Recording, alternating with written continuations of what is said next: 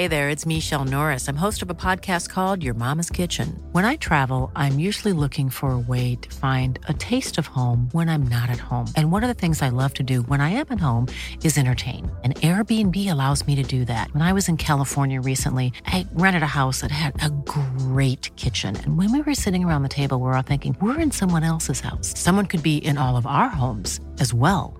If you have a home, but you're not always at home, you have an Airbnb. Your home might be worth more than you think. Find out how much at airbnb.com/slash host.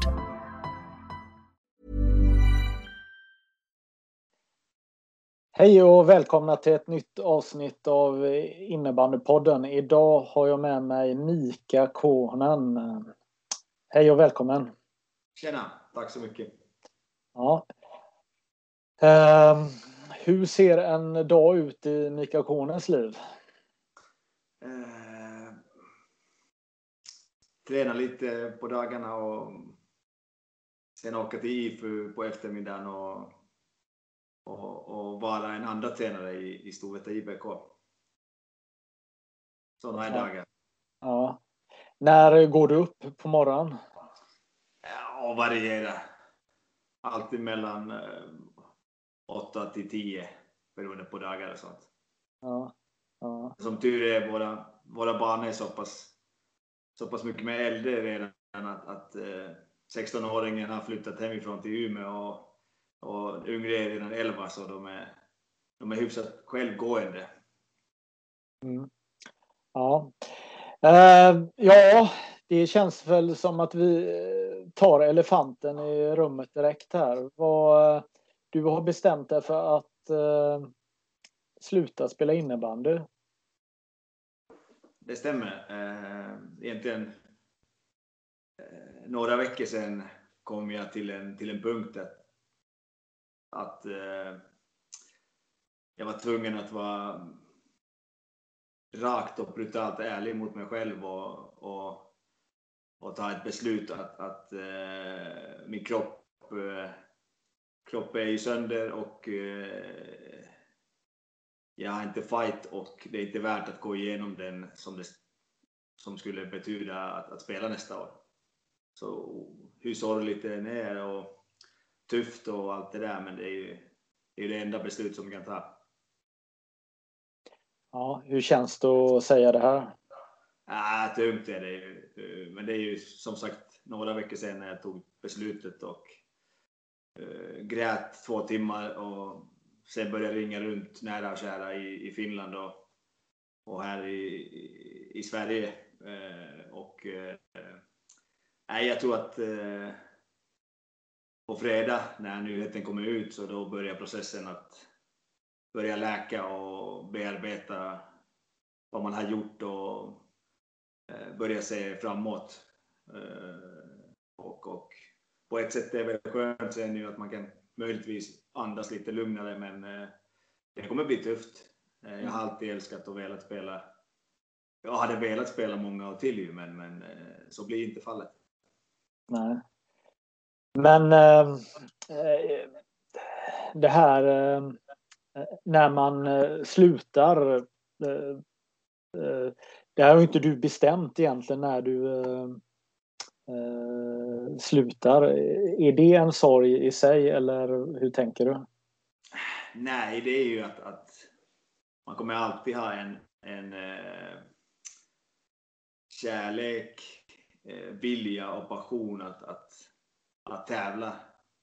Om man skulle vilja vara där. Det är ju, det är ju, det är ju ett val, det är kärlek, det är livsstil och jag har ju idrottat 39 år. Jag var fyra år när jag spelade, började spela hockey och fotboll. Eh, och nu 25 säsonger i, i högsta serierna i Sverige och Finland. Och 23 år med finska landslaget och sådär så. Eh, ja, även om alla vet ju att du kan inte spela i evigheten och framförallt i, i, inte i topp, toppnivå. Och jag har, jag har lyckats hålla mig kvar där och spela. Men, men det tar inte bort det där att, att kärleken är så stor att, att, eh, och så viktigt att, att eh, man skulle vilja göra det. Men, men eh, livets realiteter är lite annorlunda. Och det är samma för alla. Ja, jag tänker, nu, nu fick du inte sluta med någon stor final eller, eller en sista seriematch eller vad det nu kan tänkas vara utan slutet blev, eh, när du gick ut på en match så visste du inte att det här kommer bli eh, min sista match. Ja, det, jag har ju, jag, jag fattar ju själva grejen eh, att vissa vill ju sluta på en att nu vet jag att jag slutar, det är den datumen och planera och, och, sånt. Men även om jag hade spelat två VM till och ett World Game så i mitt fall det skulle inte bli någon sagoslut. Att, att jag har planerat eller någonting. Mm. Eh, eh, så på det sättet, eh, det blev en bra slut att, att brutalt vackert ambulans från matchen förra, förra eh, förra säsongen och jag gav mig själv möjligheten att kolla om min kropp pallar och om jag har fighten att, att eh, spela nästa år och nästa VM. Och, eh, det är inte fallet. Och, och, eh, det är med på mitt sätt och, och, och, och det, det, är jag nöjd med att jag har gjort. Ja. Nej, men jag, eh, jag kan ju tala för mig själv och säkert andra också som har en passion och älskar eh, att idrotta och hålla på med, med, sin sport. Jag som fortfarande spelar, fast på en mycket lägre nivå, jag vet ju om varje match jag går ut och spelar nu när man är 40 plus plus att man eh, det kan vara sista matchen, det kan hända någonting. Man kan åka blåljus från, från mm. eh, matchen. Är det någonting du har tänkt på när du har gått in i dina matcher under eh, senare delen av karriären? Eh, på ett sätt, jag har försökt påminna mig varje dag att njuta så mycket som möjligt. Eh, det är som du säger, det finns inga garantier hur många år eller säsong eller eh, ja, en skada eller vad som helst. Men, men eh, senaste tre, fyra åren har varit lite sådär att man har funderat efter säsongen att Eh, om, om jag pallar spela, om familjen klarar av... Jag har ju varit ifrån familjen fem säsonger och eh, de här åren har kostat ju eh, uppoffringar från familjen och från mig själv ju. Eh, dubbla mängder träningar och eh, eh, vikt, hålla vikten nere och att jag kan tävla på mina villkor mot, mot de lite yngre. Eh, och då behöver vi inte prata om mina skador utan vi pratar bara ålder.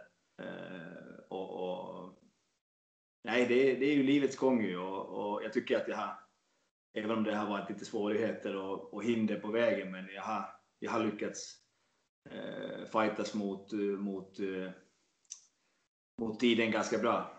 Mm. Eh, eh och, och eh, nu, nu blir det så att eh, nu är det dags att sluta. Ja, du har ju inte så mycket att bevisa. Jag menar, ehm, ja, du har vunnit eh, allt som går att vinna och fått alla utmärkelser som går att få. Eh. Men vad är det som har drivit dig, eh, om man säger, under andra halvlek av din karriär? Man har ju alltid... Jag har inte haft så stort behov att bevisa till någon annan. Egentligen, ja, kanske när man var yngre och fattade mindre och så, men man har alltid, alltid någonting att bevisa mot sig själv. Hur mycket man klarar av och förändra sitt spel och anpassa och, och, och sådär. varje år de delar pokaler till de som förtjänar. Så i år det kommer vara en SM-guldvinnare och eh, hoppningsvis att man spelar färdigt, ska jag mm. tillägga. Mm. Eh, men och nästa, det kommer VM nästa år och sånt. Så. Det blir en ny resa alltid. Eh, min mamma sa ju redan 2012 ju, kom hem sommaren ju efter säsongen och kunde inte gå och haltade med, med, med, med mitt knä och mamma grät, grät och sa att eh, min son att jag älskar dig, att jag hoppas att du slutar, att jag, jag tål inte se det där. Och du har ingenting att bevisa. Och det hon har sagt varje år, men mitt svar har ju varit att jag har massor att bevisa mot mig själv och, varje år och varje dag. Och, även om saker och ting förändras, men, men eh, samma mindset har varit ju att, att, att, att försöka vara bättre än någon annan. Mm. Och framförallt bättre, bättre än den man möter. Mm. Ja, men alltså, alla, alla vi som kan din karriär och vet ju om att, att din roll har ju också ändrats genom, genom åren. Jag menar i början när du slog igenom här i Sverige så hade du en fri roll att bara ösa på. Och sen eh, framförallt när du kom till Storvreta så fick du en papparoll i laget att eh, du, eh, du kanske gav bort en liten del av dig själv för att lyfta laget och lyfta de andra och helheten blev eh, viktigare för, för slutresultatet. Absolut, det hade du rätt i. Och det, det handlar lite om åldern också. Att man blir ju klokare när man får kilometer bakom sig. Och för mig Balduk var ju, det var ju en, en,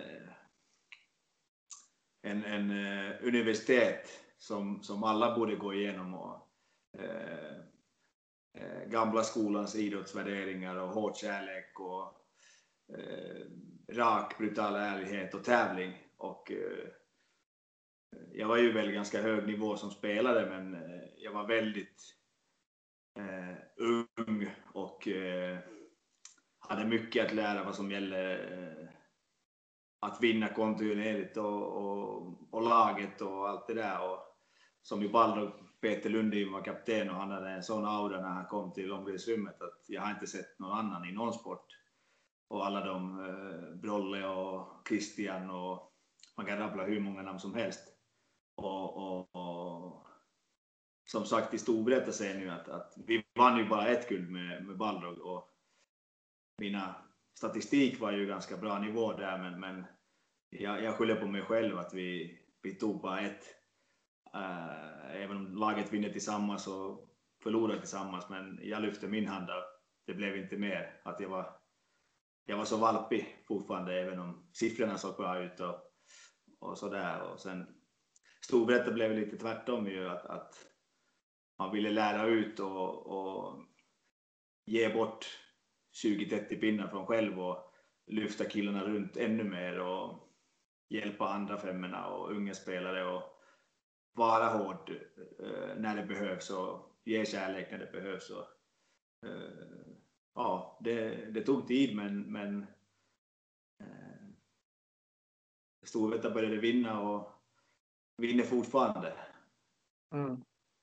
Ja, ja, ett av de starkare minnen som jag eh, kommer ihåg från eh, tiden i Storvreta med dig.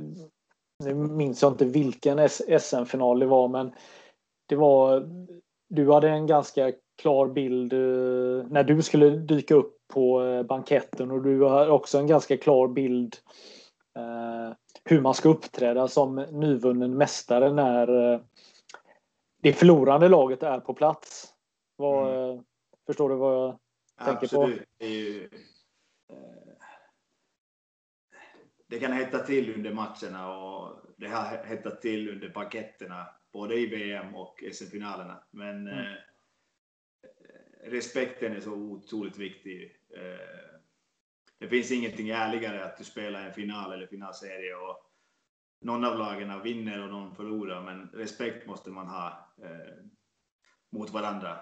Eh, inte så att du behöver, behöver eh, vara mindre glad, men, men eh, nej, jag gillar inte det där att man, man vinner och man trycker ner och börjar håna och sånt. Så det, det är lite sådär junisaktigt och inte värdigt mästare. Eh,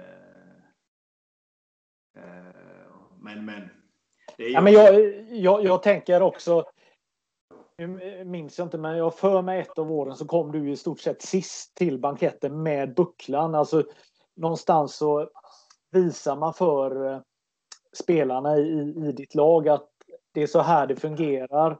När man har vunnit så visar man att man är ödmjuk mot eh, motståndaren, det som du pratar om. Men samtidigt så är det faktiskt att de äldre, de rutinerade, det är vi som kom, vi bär in bucklan till festen. Det, att allt görs i rätt, eh, på rätt sätt, rätt håll. Är du med mig? Absolut, det är ju, det är ju idrottstraditioner. Eh, och det är, jag är ju från gamla skolan med uppfostran idrottsmässigt och, eh, och i livet också sådär. Så varje kille i laget, oavsett vilken roll, eh, det är ju precis lika viktigt. Men, eh, men, men du har sådana här oskrivna grejer. Eh, när man vinner till exempel och när en eh, ung spelare kommer till laget och, och det handlar ingenting om att man ska trycka ner någon, men, men eh, man ska respektera saker och ting. Och det är som i, i när vi vann med Storvreta 2010 så jag var ju kapten, men jag var inte ens nära att lyfta bucklan först. Eh, Jesper Berggren hade spelat hela sitt liv Sen när jag var småbarn i klubben, så eh, det finns inte på världskartan att jag som, även om jag är kapten, skulle lyfta först. Eh, och, och, och det är häftigt att se att, att många av de här gammaldags idrottsvärderingar och traditioner eh, och kulturen vårdas i Storvreta. Eh, det sitter i väggarna och killarna för den vidare. Och, eh, hoppningsvis om man ska se till att nya killarna tar det ännu längre, att det dör inte ut. Nej. Hur lär man sig de här eh, skillsen då, att, att förstå det? För jag älskar ju det. Jag menar, det var därför jag tog upp det. Jag, jag, jag går igång på saker när det är utanför boxen och någon verkligen fattar vad, vad allt handlar om. Nej, jag tror att det går att du, du för den vidare. Eh, för den vidare till de yngre och de tar den vidare och, och, och att man vårdar dem. Ju. Eh, det är ju i dagens värld, det är ju lätt när allt är så hektiskt och eh, det ska vara på ett sätt. Och alla blir nästan i samma form ju. Eh, sådär att det är mindre känslor och mindre profiler och, och sånt, men att, att, att, man glömmer bort de gamla grejerna. Eh, mm. Och jag säger inte att alla gamla grejerna är bättre än nu, men, men vissa är värda att, att vårda och föra vidare. Mm. Eh, så det, det är viktigt. Ja. Mm. Jag tänker vi ska gå tillbaka och börja från början här. Du, du började idrotta redan vid fyra års ålder och din pappa var hockeymålvakt och var... Ja, ja, precis. Så, så att, eh, var det han som introducerade er in i sportens värld, eh, dig och brorsan eller? Ja, säkert det kom ju, men våra släkt, både pappas och mammas sida, är ju, är ju fulla av idrottare. Ja. Eh, och eh, jag har ju pappa och mamma har sagt att jag, jag lärde mig åka skridskor innan jag kunde gå. Ja. Det var en naturlig element i, och jag följde med pappa till, eh, till hans träningar och matcher och han tog och, eh, sen han var på väg att sluta där. Men, men eh, det var ju en naturlig och viktig del i hela släktens liv och eh, värderingar och sånt. Så det, det var ju den tiden början av 80-talet i Finland eller, eller så, så hockey och fotboll var naturliga och där jag kommer ifrån så alla unga idrottade någonting. Ja. Eh, det var inte bollsport, så då var det brottning eller, eller något annat. Eh, ja. Så det var väldigt naturligt och, och, och, och det gjorde vi dagligen. Eh, spelade ut landhockey eller fotboll eller ishockey och lekte, lekte idrott. Och, ja.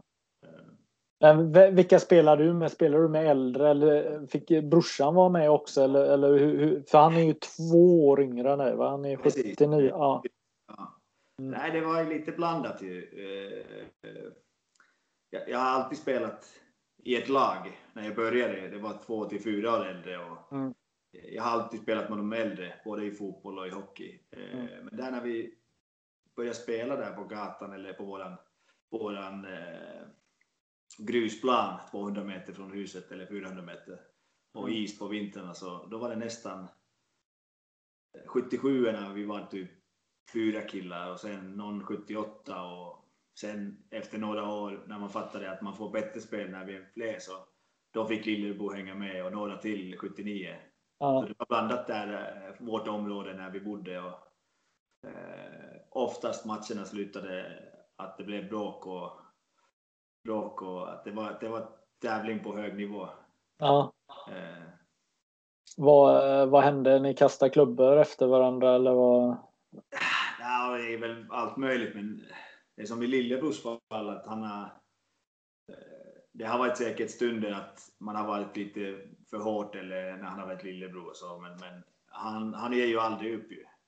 Mm. han startar bråken och han vill ju sluta dem också ju. Så. Okay, ja. Där finns ju säkert massa historier. Och jag har till exempel, eh, jag tror att det var 14 och vi hade en viktig fotbollsmatch i, i serien i, i, i Finland och, och vi hamnade i ett bråk och han hamnade lite under i, i vårt pojkrum där ju så han slog mig med en blyertspenna och toppen gick av och det är fortfarande mitt, eller min, min vad.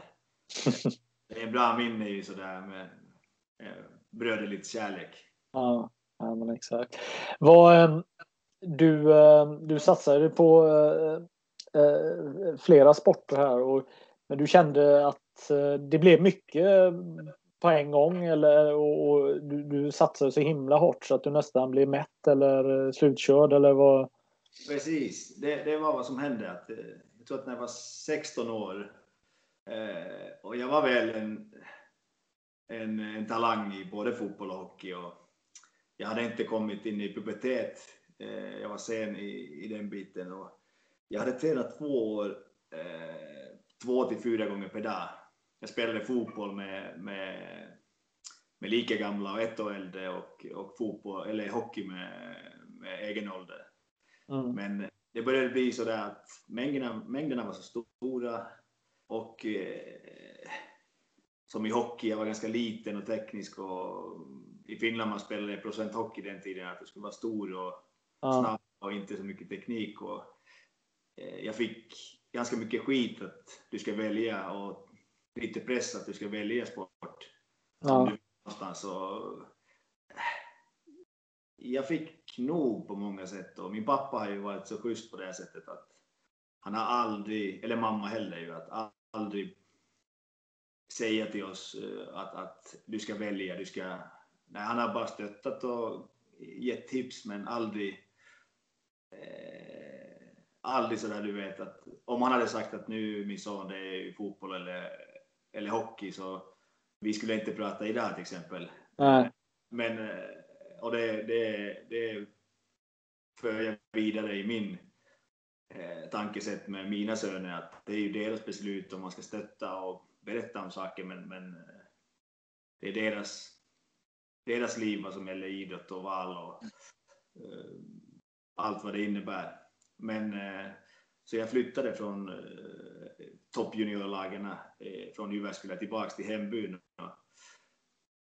började spela på helsidan i, i division 3 i hockey och det är fjärde högst serie. Och eh, division 2, det är tredje högst i fotboll på helsidan. Mm. Och jag spelade med några som hade spelat med min pappa när de var unga och pappa var på väg att sluta. Jag hittade, hittade tillbaks kärleken till sporterna och eh, började få tankarna att, att nu, nu är det dags att välja vilken sport och eh, vi kollar hur långt det, det bär. Mm. Och slumpen eller någon där uppe eller någonting hände och, och fick en fråga av Mikko Lehto som hade spelat hockey och fotboll och spelade då i Happe i elitserielag att, att de skulle vilja ha mig med till eh, eh herrjunior SM eh, turneringen där, sista turneringen. Och, ja.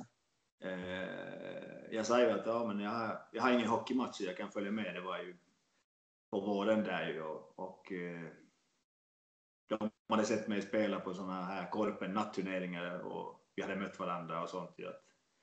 Så jag åkte med och tror jag att det vann poängligan där och vi, vi torskade finalen mot Jospa, eh, vill jag minnas. Och efter turneringen Petteri Nycky hade blivit en, en huvudtränare i, i Happe och frågade att jag skulle följa med till eh, elitserielaget och jag tackade nej och sa att jag är hockey och fotbollsspelare. Och sen, sen sommaren när han frågade en gång till så att ja, jag kan hoppa med men om matcherna är samtidigt så då spelar jag hockey.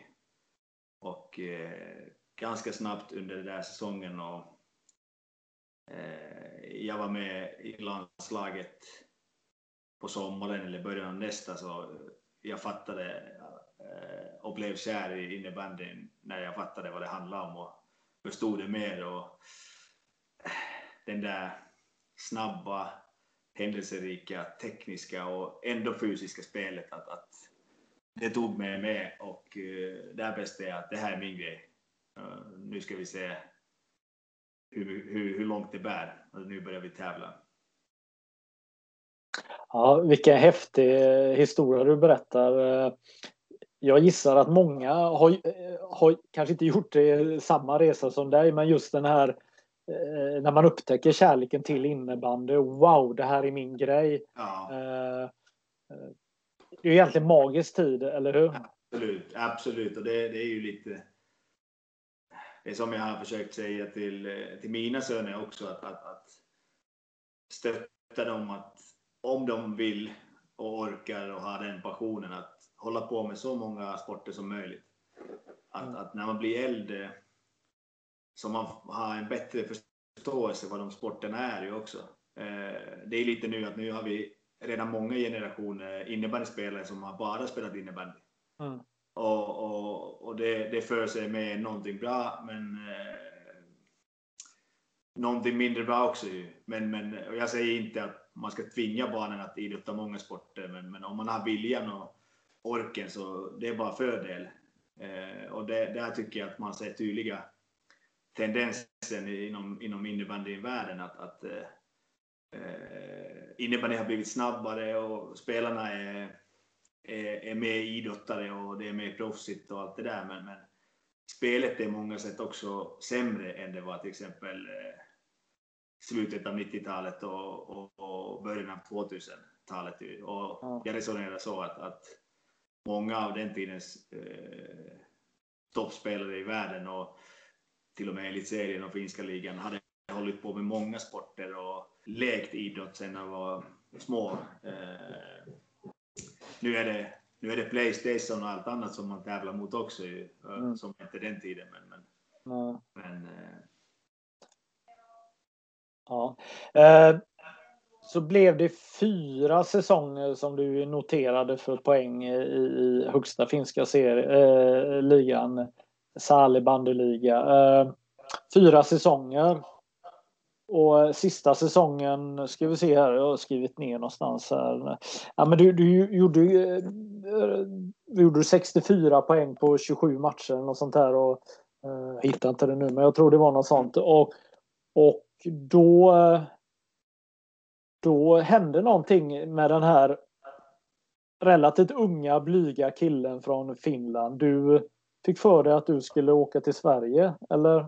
Ja, det hade, det hade börjat redan... Eh, jag spelade 96, 97 första landskampen på helsidan där. Ja. Någonstans. Och eh, var med i World Games i, i Lahtis när det var som en uh, uppvisningssport. Ja, just det. Mm. Eh, och 98 var jag med, jag var med redan VM i Prag och var med i Årstans där. Mm. Så efter det där VMet började det komma samtal från både Sverige och Schweiz och mm. sådär. Och Sen året 2000 där, eh, jag är lite hemmakille och älskar, älskar ju Vajakoski och sånt. Så jag var inte redo att flytta eh, innan där, men sen Wallrock tog kontakt och Hannes Öhman spelade där redan eh, året innan och jag tror att Wallrock var i kvalet och höll sig i kvalet kvar i Just det. Ungarn från landslaget eh, signade, signade samtidigt där, så, så det kändes på något sätt ännu, ännu tryggare eh, för en blyg och, och, och, och sådär person. Eh, och, du hade inte vågat ta steget om inte de var där, eller? Ja, det, det, det, det får vi inte veta ju. Men det underlättar markant och det är det bästa beslutet som jag har tagit i mitt liv. Ja. att jag åkte dit. Mm. Nej, för jag, jag tänker med språket. Eh, det, svenskan var väl inget naturligt för dig va? Nej, jag var ju ganska duktig i skolan och som du vet, vi läser ju svenska men, men som person ju inte den som pratar hela tiden och högst och sånt. Och på det här sättet, eh, när Vesa och Hannes var där ju så det var ju lite enkel räddning också. Att, att jag tror att språket hade kommit snabbare om jag varit själv förstås. Men eh, jag pratade ju engelska och eh, sen efter halva säsongen tror jag började eh, prata svenska och, och sådär.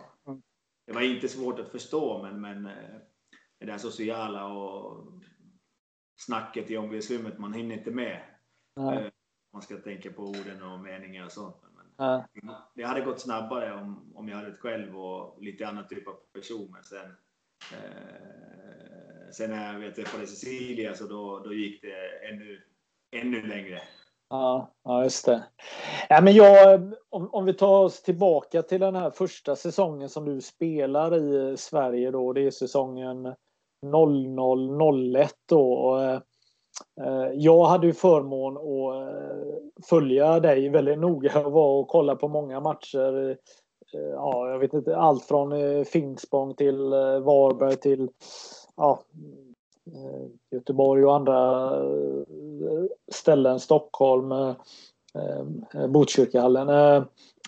Det var ju en väldigt speciell tid också för att dels hade, precis som du sa, Balrog hade kvalat för att rädda kontraktet och det var, hängde verkligen på en skör tråd. Men sen så hade man ju också infört effektiv speltid i elitserien till den här säsongen. Så det var ju första säsongen man man hade effektiv speltid. Innan hade ju tiden eh, rullat. Mm. Så det, det, det, var ju massa nyheter för, för eh, eh, elitserien. Och sen så var det 16 lag vilket det också var 30 matcher. För man hade gjort ett koncept eh, innan där man eh, delade serien efter, efter, eh, efter jul och, och gjort två halvor. Och det, och det hade inte blivit bra då för exempelvis lag som det var väl Balrog och, och Varberg bland annat som var väldigt illa ute eh, den säsongen bland annat. Då. Men, men, men eh, om vi tar oss igenom den här säsongen. Alltså det var ju en eh, det var en orgie i poäng från eh, Mikael Kohonen. Ja, det började inte så. Jag tror att det var typ tio omgångar och jag hade gjort kanske 11-12 poäng, 10 poäng eller någonting. Vi, låg, vi låg typ sist eller näst sist. Och vi hade en... Jag hade spelat mycket med 3-5 och det var lite generationsväxling på gång där och, och sånt. Och eh, jag kommer ihåg när, när, när tre stycken styrelseherrar kommer till omklädningsrummet innan träningen och eh, pratade med, med, med stora bokstäver. Eh, och, och eh, pratade om Balrog och vad det betyder att representera det och på vilket sätt ska man göra och att det var inte okej okay hur vi håller på med. Och jag vill minnas att sista orden var ju att eh, om det inte förändras så först ryker tränaren och sen ryker finnarna. Och eh, när, när herrarna, herrarna lämnade rummet så Bruno var huvudtränare så han kallade oss fyra eller fem spelare ut från omklädningsrummet och, och, frågade att hur mycket orkar ni spela? Och jag tror att det var bland de första gångerna jag pratade med honom sa jag att jag har väntat tio matcher att du frågar. Mm. Och då började vi spela och massa minuter som man får och jag har mått alltid bra i att få det där ansvaret. Eh, mm. Speltiden är ju den som coachen visar hur mycket man litar och förtroende och eh, orden utåt att du är första center och, eller, eller säger i tidningen att, att han är nummer ett och bäst, men det hjälper ingen. Nej. Utan visar och ganska snabbt hittade vi att det klickar på den femman som vi spelar med Thomas Brottman, Jonas Steffen och Adam Grane och sen Hannes. Så vi passade bara ihop ju. Mm. Tydliga roller. Och som du sa, då började det hända grejer. Jag tror att nästa tio matcher där, omgångarna 11 till 20, jag tror att det var, jag gjorde 67 poäng och, och på de matcherna och, och båda femma gjorde en och annan mål på den tiden. Ja. Och, jag, ehm, jag har sagt det här förut eh, och du, jag tror jag har sagt det till dig flera gånger. Men, men det var ju exempelvis en match eh, då när ni spelade i Varbergs idrottshall och, och ehm, efter matchen så, så ni hade vunnit med 8-5 eh, matchen mot Varberg. Och, och så var det eh, några Varbergsfolk som kom till mig då som eh, ja, jag var på plats och, och, och, så sa de det ja men den där finnen han var väl ingen speciell Mika då. Så fick jag förklara för honom, men kolla, han gjorde ju åtta poäng. Alltså du, det var inte så att du sprang och, och syntes mest utan, utan du, du var ju lite finurlig på något sätt. Men jag menar, det är rätt fantastiskt att innebandy älskare inte såg att du låg bakom alla mål en sån match eh, den här säsongen. Ja, jag har väl alltid haft i alla sporter eh, en egenskap att, att, att och vilja försöka göra de svåra saker enkelt och enkla saker ännu enklare. Och eh, i alla de här sporterna, fotboll, hockey och innebandy, jag har alltid varit effektiv. Kan producera poäng och, och mycket, men eh, Nej, det är ju, det är ju en likadan historia där ju. Det kan vara samma men, men eh, året är typ 04 eller 5 eller någonting och Västerås hade, det var en fin kamp eller en landskamp och jag hade jag var skadad och jag skulle åka och titta och jag åkte dit med Tony Andersson som var Balderups man och en vän till mig och, och vi åkte och hälsade på Stefan Mattsson genom tidernas bästa innebandymålvakt. Eh, och eh, han berättade den där historien att då var det i Botkyrkahallen och det där första året att de hade tränat en vecka med Varberg att, att de ska ta bort mig och våra femma. Och jag vill minnas att om det var Isak Karlsson kanske som skulle spela jack, jacka på mig och, och jag tror att de spelade en och en halv period och jag jag stod bakom vår målbur, bakom Niklas Lernvåg och snackade med honom och Isak stirrade på mig på ögonen och eh, sen bara gjorde några ryck och sånt. Så, så efter matchen,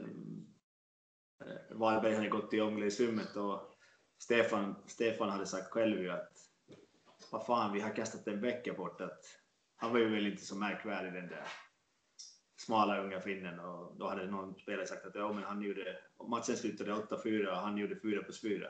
Ja. Så. Ja, men det, det, äh, nej, det, det, det, var ju magiskt för att jag menar varje match blev ju som en det är ungefär som man följer Zlatan Ibrahimovic idag när han spelar i, i Milan. Man, man vill veta oj hur många poäng gör han i den här matchen? Hur många, alltså det blev ju en, en galen eh, jakt där i slutet och eh, till slut så hamnar du över 100 poäng. Det, ju, det, det var väl ändå lite speciellt när du passerade 100 poäng i serien.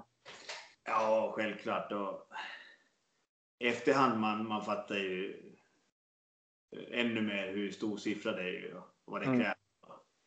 Och, och sådär, när man är inne och spelar och det flyter på som spelare, du spelar aldrig att man jagar poäng eller, eller försöker någonting. Man försöker vara så bra som möjligt och hjälpa laget med sina, med sina styrkor. Men, men eh, över 100 pinnar, det, det, det är ju mycket.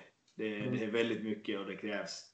Och som sagt, de här 10 första matcherna när jag gjorde bara 10 pinnar så sista 20 matcherna, det finns en och annan poäng där i, i i, i, i de matcherna per, eller snitt. Eh, men, men eh, nej, jag tror att det, det är lite som om man tittar på större perspektiv så genom det här resan från Ballock till, till idag så på något sätt jag har varit med och, och de spelare som jag har spelat med och lagen att, att jag och vi, vi har förändrat sporten lite. Eh, att, att vi spelade ju väldigt snabbt ju. Två, tre passningar. Eh, inte bara kontextmässigt, men väldigt rakt och snabbt. Och det var ändå ganska kontrollerat i många fall, och som det är fortfarande i Sverige. Eh, mm. Kontrollerat och samma i Finland och, och sådär. Men, men, men eh, det är häftigt att se ju, hur saker och ting förändras. Och alla har sin evolution och det går i cykler.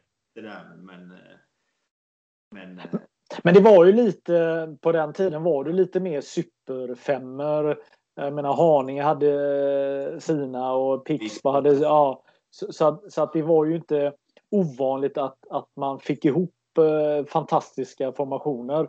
Eh, din, din och Hannes Öhmans eh, eh, matchning eh, är ju välkänd. Alltså du ganska, inte enkelt, men du, du förser han med bollar relativt eh, eh, eh vad heter det, hur, hur, man ska förklara, relativt brant och han kan klippa till eh, väldigt snabbt. Eh, och, och, det blev ju en vinnande form. Men hur, hur funkar det med, med, med Brolle där bak? Alltså, han, han måste ju ändå städa lite och vara väldigt smart i sitt spel också gissar jag. Ja, men det är ju som om vi börjar där så Jonas Steffen var ju en defensiv back en terrier som, eh, som kunde offra sitt hjärta och kropp för laget och femman och lagkompisar. Mm. Brolle var eh, bollförande back i femman och jag har ju sagt till alla intervjuerna att, att eh, Brolle är den bästa spelaren som jag har spelat med. Eh, och egentligen ingen har frågat varför. Nej, varför? Det är, det är den första. Eh, nej, han är den, den spelaren som, eh, som har kunnat ge mig tid. Eh, skapa tid till mig själv.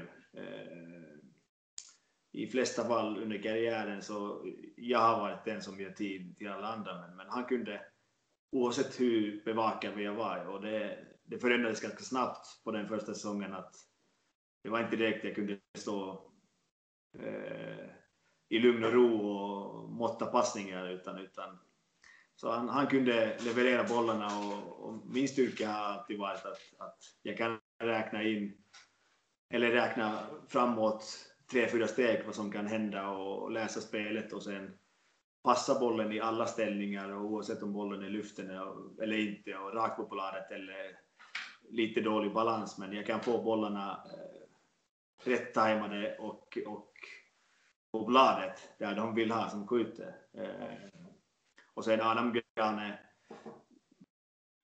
duktig kille att göra mål och poäng också, men, men otrolig idrottare med snabbhet och ork. Och han rev, rev sönder försvararna och löpte, löp, löpte sig fri, men samtidigt eh, öppnade ut till mig och Hannes eh, med sina löpningar. Eh, och alla vet ju sen Hannes ju att, att det är ju en av de bästa i världen eh, genom tiderna att göra mål, men överlägset bästa direktskott.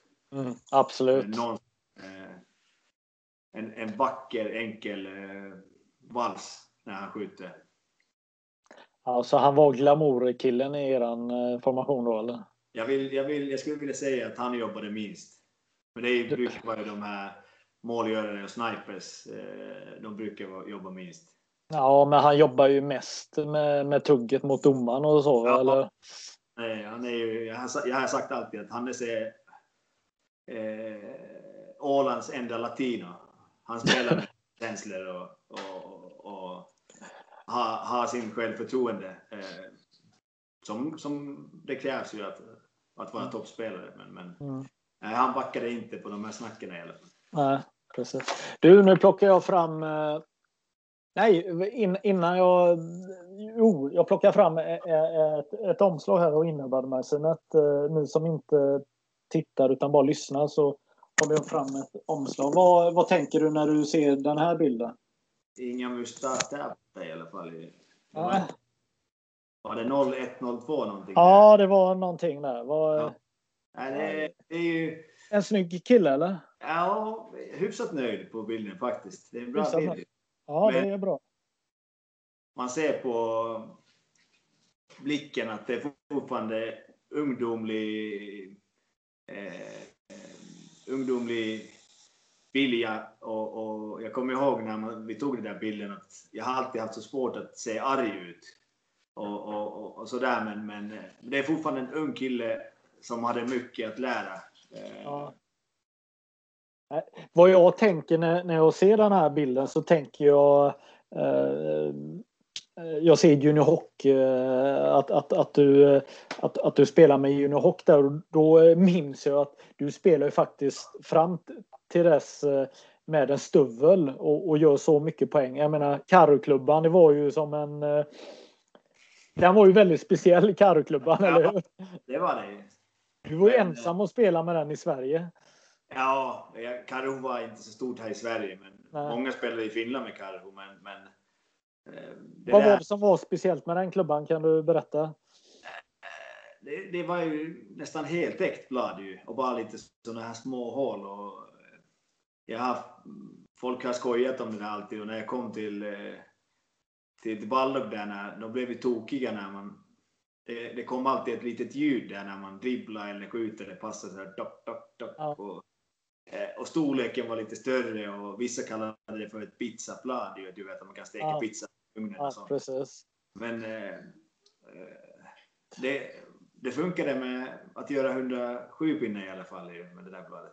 Ja, ja men precis. Men det som, Jag- det som eh, vinsten var med det där bladet var ju ändå som passar min spelstil att, att när det var så slät yta eh, så passningar och sånt, eh, det är jag som bestämmer och det är ingen sån här mellan, mellangrej och sånt. ju. Så det var väldigt mycket, väldigt mycket bra också för min Ja. spel. Min spelstil. Eh, jag, jag gjorde intervju med dig här då, eh, det är 20 år sedan här nu då. Eh, nu ska vi se här eh, om, om du vet vad du svarar här då. Eh, vad är det bästa med Sverige? Vad tror du att du svarar då? Nej, det, det här måste vara något ungdomligt. Eh, idag skulle vara svaret annorlunda, men du får berätta. Ju. Ja, innebandy är rolig och tjejerna är snyggare här i Sverige. Men i och för sig, jag har ju, jag har ju svensk fru, så jag måste ju säga också. Men, men, nej, det var inte så farligt, men roligt Nej. sagt i alla fall.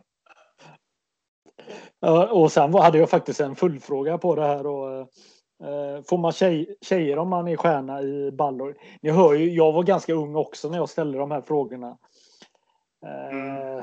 Nej, men då, då var du ödmjuk och sa att kompisarna har bättre tur. Men eh, det skulle ju bli eh, ganska bra till slut ändå va? Ja, absolut. absolut. Ja. Det, vi har hållit ihop. Ja. Vi, vi har hållit ihop. Ja, strålande. Nej, men vet du? Eh, den här tiden eh, i Balrog var väl ändå eh, ganska, hur, hur ska man förklara det? Charmig på det sättet att du eh, flyttade du flyttade till ett nytt land och ni hade väl väldigt kul eh, tänker jag i, eh, i, i Balrog. Ni levde tillsammans eh, 24 timmar om dygnet håller på att säga. Kan du berätta lite om hur det var? Nej, det, Balluktiden är ju, den är ju fantastisk. Eh, det finns inget annat ord att, att, att eh, förklara det bättre. Ju, att, att det var ju Vesa, jag och Hannes, vi bodde ju i samma hus eller olika trappor och vi hängde ihop. Och, eh, Peter Lundin och Maria Rodriguez Lundin, vi var hos dem och alla spelarna bodde hyfsat nära varandra. Och, och, nej, det var en otroligt härlig fyra år och jag, jag, jag kände mig som hemma både spelmässigt och, och uh, runt om människorna uh, vad som gäller laget och, och, och runt laget och sådär. Så det, nej, det, är- det är en otrolig tid och jag tror att det är också det sista typ sista tid när, när 2004 Gabriel, äldsta sonen, föddes och innan det där vuxenlivet kommer på riktigt, du vet ju att man, Mm.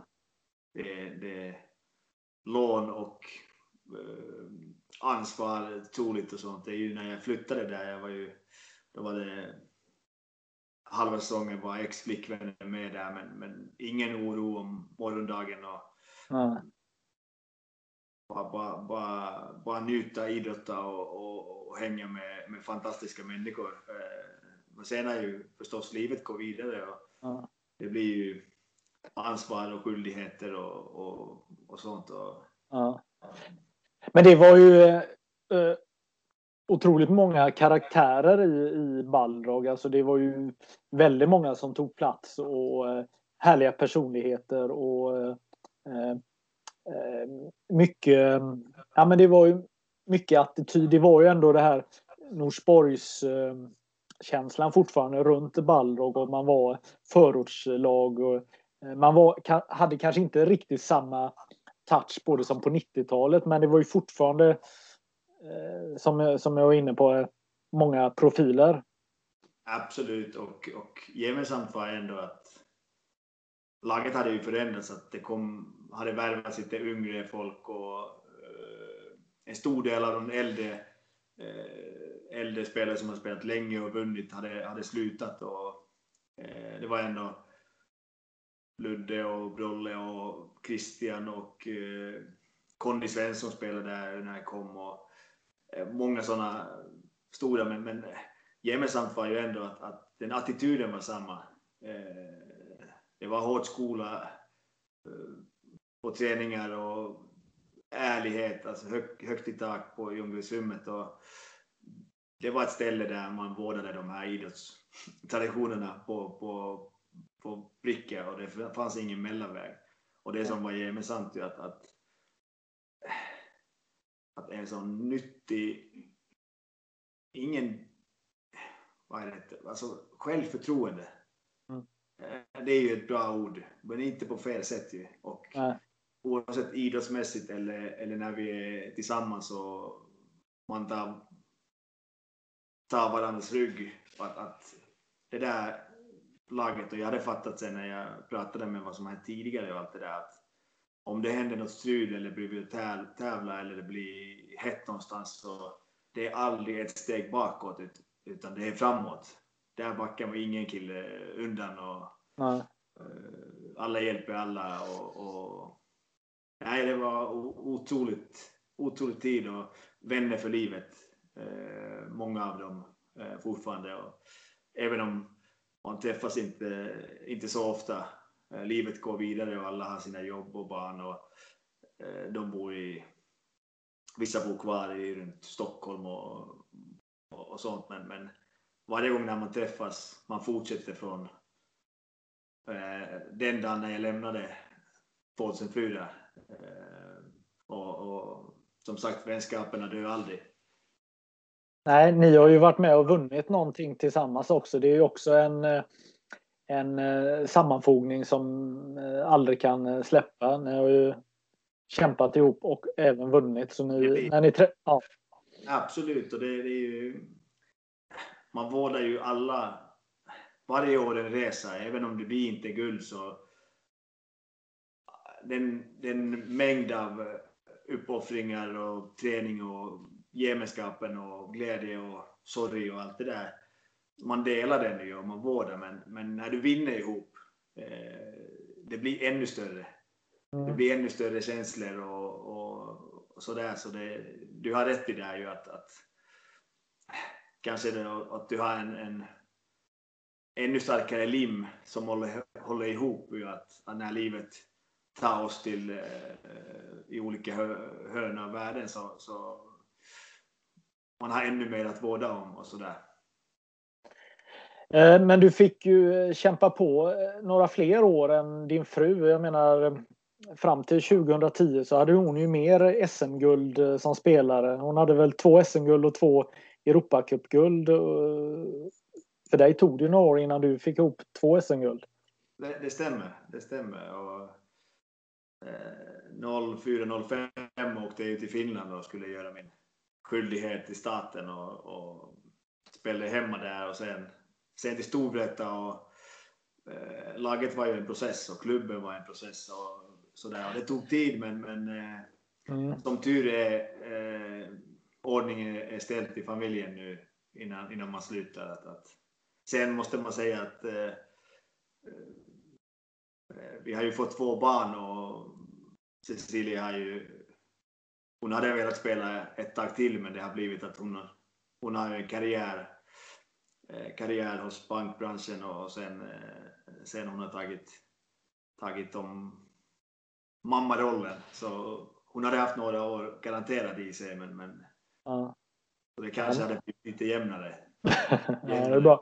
Ja. Men jag tänker just det här med Balrogs eh, damer var ju också väldigt bra under den här perioden. Det, det gjorde väl att det blev en ännu mer gemenskap. Sen var det ju många par också i, i, i, i lagen och så. Jag, jag, jag, tror att till och med tidigare innan jag kom, alltså 92, 3 och där, att det var ännu mer eh, gemensamt mellan eh, herr och damlaget och man gjorde saker ihop och allt det där. Men då var det i och för sig lagarna, både tjejer och killar var så pass unga att alla var i samma livsfas och allt det där. Eh, jag tror att det var lite mer slump att den tiden när vi kom att vi hade så många par. I och för sig, Rolle och Åsa hade varit med eller tillsammans länge och Christian och Jeanette och sen vi träffades så Adam Grane hade, hade också sådär men men, ja, men jag, jag, tror, jag tror inte att damlaget heller gjorde så jättemycket saker ihop ju sådär att man hade någon Balderfest men det var inte Ja, men de har varit ganska bra de eh, Balrogfesterna. kan ju inte varit jättedåliga låter det som. Nej, nej. det, det, det, där var vi bra också i Balrog. Jag tror att både, både herrarna och, och damerna, men, men eh, angående damlaget är ju att eh, de hade ju en dynasti eh, länge med mm. alla SM-gulderna och ja. sen eh, när, sla, när laget splittras lite så jag vill minnas att många gick till Djurgården och sånt och de vann sen där och några andra klubbar också så det, det var en dynasti. Mm. Men eh, ba Balrog eh, är ju inte eh, vad de en gång har varit och sorgligt nog så var det ju att det hände, alltså det hände ju någonting i Stockholmsinnebandyn i början av 2000-talet. Jag menar AIK jobbade på men alla klassiska klubbar försvann ju en efter en. Mm. Haninge, Fornudden, Eh, Eh, och, och, till slut, eh, ja, Balrog, fast Balrog har ju inte försvunnit som de andra klubbarna har gjort. Men, men det, tiden tog slut på något sätt eller eh, kraften att, att, att, vara i toppen blev ju tuffare och tuffare även för Balrog då. Det, det har man tänkt genom alla åren. Om man tar det från början så eh, om, om det hade varit samma lag som vi hade 04, eller hyfsat samma lag. Och eh, allt var i sin ordning i klubben, så jag hade kommit 2005 till Balden förstås. Men eh, många hade lämnat, eh, några hade slutat och många hade lämnat, så laget var inte detsamma. Eh, så, eh, och Balrog hängde kvar länge med, och de var ett lag i playoffs och till och med något år i semi och, och sådär. Men, men det, det är otroligt tråkigt och synd att, att, eh, att, att lagen har försvunnit, Stockholmslagen. Eh, och jag, jag tycker att vi skulle behöva ha minst två lag från Stockholm eh, att få skapa ännu mer tryck i, i, i SSL och, och lite Stockholmsderbyna och allt det där. Ju, att, att, eh, det är verkligen någonting som, som man saknar. Och, eh, jag tror att många fall det har varit gemensamt ju att de här lagen, att de här starka personerna runt som har jobbat bakom och fixat och donat och har tappat lite ork och, och, och då har klubbarnas ekonomi börjat gå neråt och spelarna har försvunnit och allt det där och det blir en sån mm. spiral sen. Men, men jag hoppas verkligen att, att uh, Stockholms innebandy vaknar till liv igen och uh, minst två lag till SSL. Mm. Eh, på tal om ekonomi och de bitarna så eh, om man ska säga någonting om dig då så är Mika Konen den första spelaren i, eh, eh under en lång period eh, som, eh, som har innebandy som sitt yrke. Alltså, ska man eh, läsa i historieboken eh, om 20 år så kan man nog konstatera att du gick i bräschen att, att vara den första heltidsanställda innebandyspelaren. Hur har det varit? Eh, första vet jag inte, men, men eh, i stora bilden säkert. Eh, ja. Att det har blivit... Jag säger inte att du är den första som fått ersättning, men som nej, har nej, gjort det under... Ja. ja. Nej, det är att på många sätt, eller först och främst, det har alltid varit mitt drömjobb. Idrotta. Och jag drömde att jag är hockeyspelare, världens bästa i hockey eller fotboll. Mm. Men det blev ju innebandy. Eh, och det är drömjobb. Jag har fått eh, leva min pojkdröm och det är inte alltid lätt. Det är tufft och eh, sådär. Men, men nej, jag, jag tror att jag har kunnat, kunnat hjälpa innebandyspelarna runt Sverige och Finland att, att, att, att eh, hjälpa bli sporten lite, lite proffsigt och, och att spelarna ska få betalt och, och så där sättet. Ja, jag vill tro det i alla fall. Ju. Eh. Ja, känner du att man får mer respekt som innebandyspelare när, eh, när folk vet om att ja, men det här är mitt jobb? Nej, det vet jag inte. Det, det är väl av unga, unga killar och tjejer tycker säkert att det är häftigt och så, men, men i många fall det, det, kommer, det kommer ansvar och, och, och, press. Att det är som en utländsk spelare, att du tar, du tar någon annans plats och det kan vara någon starke man i klubben eller vad som helst, att hans son får inte spela och det finns alltid olika åsikter, men, men eh, jag vet inte, respekt ju... Ja, nej, jag tror inte att den... Du får respekt eh, från hur du spelar. Sen, eh, sen de här kontrakterna och sånt, det, det är ju en del, del av idrott och, och eh, vad folk anser att du är värd och så. Men eh, jag tror inte att du får mer respekt även om, även om man spelar som proffs och sånt. Vad, vilket år eh, hade du eh, bäst kontrakt då under din karriär? Jag har glömt ju. Det, det, det är så länge sedan nu. Men jag har ju aldrig, aldrig tagit eller gjort kontrakt för pengarna. Det är klart jag har haft en hum, hum om hur mycket jag är värd och, och sådär. Och, och, sen när man ger någonting till laget och spelmässigt och, och till klubben, vad som gäller juniorerna och varumärket som man har själv också. Så det, det, det kommer därifrån. Men, men det har aldrig handlat om att man ska gå ett ställe som betalar mest. Eh, och det är också en eh, orsak ju att, att jag har några gånger har jag varit nära att, att åka till Schweiz. Eh, men, men eh, ja, pengarna där inte heller, även om vi pratar ändå sju, sjusiffriga summor på kronorna. Men, men det är ju inga pengar som förändrar mitt liv eller, eller, eller mina barns liv. Eh, så pengarna kan inte vara den, den tyngsta vikten att göra beslut eller någonting. Sen, jag hade planerat att, att eh, fortfarande när jag kan och kan tävla om VM-platserna att i slutet av karriären att jag hade åkt till Schweiz och spelat och sett eh, schweiziska innebandy och den delen och, och sådär. Men nu blev det inte så. Men eh, blev du någon gång erbjuden eh, en jättestor summa som var betydligt bättre än det du eh, hade när du spelade i Sverige. Mm. Mm, ja.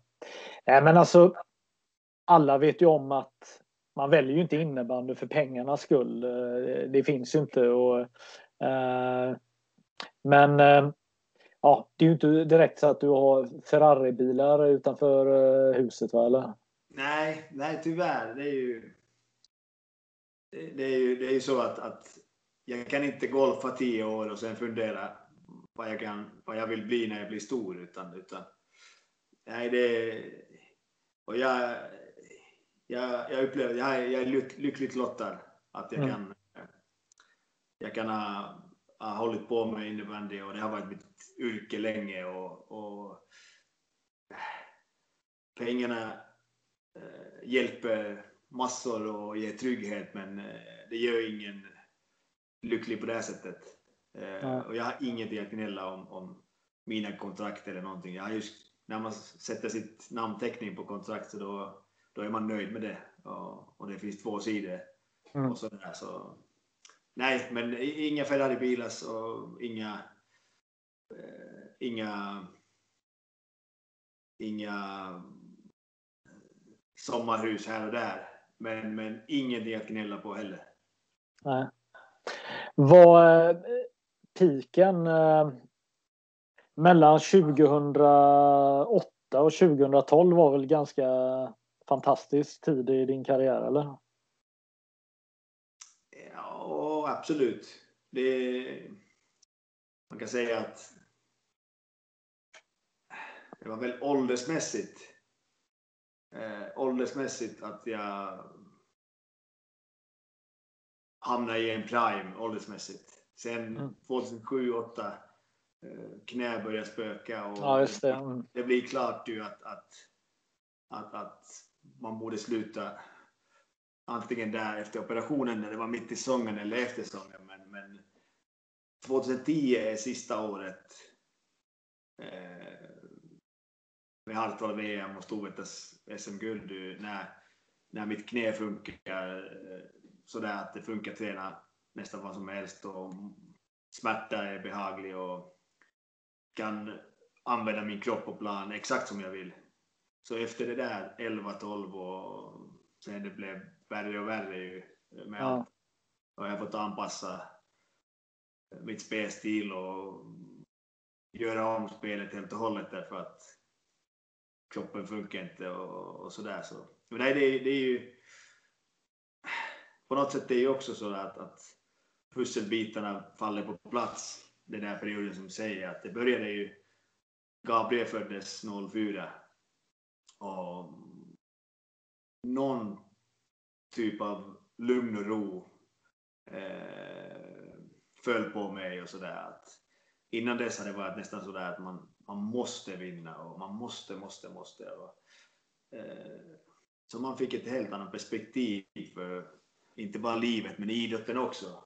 Och utan att det var fel innan men, men lugn och ro i, i, i kroppen och själen. Och sen Maximilian föddes ju 09 och det var ännu större och jag hamnade i en balans eh, balans både utanför och innanför planen. Ju, sådär, så. Eh, nej, det är häftiga år om, om vi pratar om toppidrott så, så alla ja. kanske att, att, att, att du ska resan är viktig och du ska växa som en människa men du räknar pokaler det är det enda, enda CV som du har som en toppidrottare och, och där 08 och lite framåt, det börjar hända massor. Mm. Eh, eh, så det är klart, det är, det är ju häftiga år. Ja. Eh, jag tänker på ehm, finska landslaget då. Vi, vi pratar VM 98 i, i Tjeckien, vi pratar VM 2000 i Norge, vi pratar 02 i Hartwall, 04 i, eh, i Schweiz. Va? 06 i Globen eh, i Stockholm. Och sen då, hur många fick jag upp? Fem VM där. Och sen då 08 då, får ni äntligen vinna. Grejen är att jag, jag, jag läste Helgårds, Helgårds intervju där ju. Han pratade om vinster och, och, och sånt. Eh, landslaget är ju eh, vi hade en tro att vi, vi kan vinna VM-guld och vinna en enskild match mot Sverige. Om man tittar på ärligt sett ju så Sverige hade otroligt bra, bra lag på den tiden. Alltså makalösa lag. Eh, och nivåskillnaden var ändå så pass stor att, att, även om vi kunde vinna en match och, och det är därför vi jobbade, men, men äh, det är stor skillnad på lagen. Eh, och det var ju svenska dominanser. Eh, 2004, vi är redan bättre än Sverige i semifinalen 50 minuter. De vänder matchen och vinner. Ja, semifinalen var det då. Ja, precis. Ja, just det. Det kommer jag ihåg. Ja. 2006 är vi bättre än Sverige. Eh, det, vi är bättre än Sverige spelmässigt. Eh, torska i sadden. Ja, det var en galen final. Ja. Ni, ni, leder med 3-0. Sverige kommer tillbaka och sen går ni i ledning igen. Och, ja, det... och det är 08 sen när vi vinner till slut. Det är också en galen final inte likadan som Globenfinalen, men eh, där tycker jag att Sverige är bättre spelmässigt. Så det är lite lustigt att 06, när vi är bättre än dem, vi torskar och, i sadden och 08, de är, de är bättre än vi. Eh, vi är effektiva och, och sådär, men jag, jag vill tro att, att eh, den mängden av jobb vad som lades från 04 till, ja, till och med innan där ju förstås, men Nycky gav den sista stöten att det funkar inte på det här sättet, att vi måste träna så mycket mer i Sverige och vara så mycket bättre lag. Det är ju som fortfarande idag, jag, jag säger att om man tar spelare för spelare så Sverige har fortfarande bättre lag på pappret. Men det är på pappret och nu, nu har de här nivåskillnaderna blivit väldigt små eh, kontra det där 98, 2000 och sånt. Ju. Eh, mm. Så då började vi jobba och slita och det blev som en bröderskap ju, i landslaget. Eh, galna sommarläge med fem, sex dagar ihop, stenhård träning, eh, några dagar hemma, sen tillbaka. Så, ja, Alltså det var bestämd ju. Och sen när 08 när vi lyckades vinna. Eh, jag tror att vi var ändå ganska många som hade varit med ett bra tag. 76 och 77 och så. Och det yngre gardet där, 80-talisterna och sånt ju. Mm.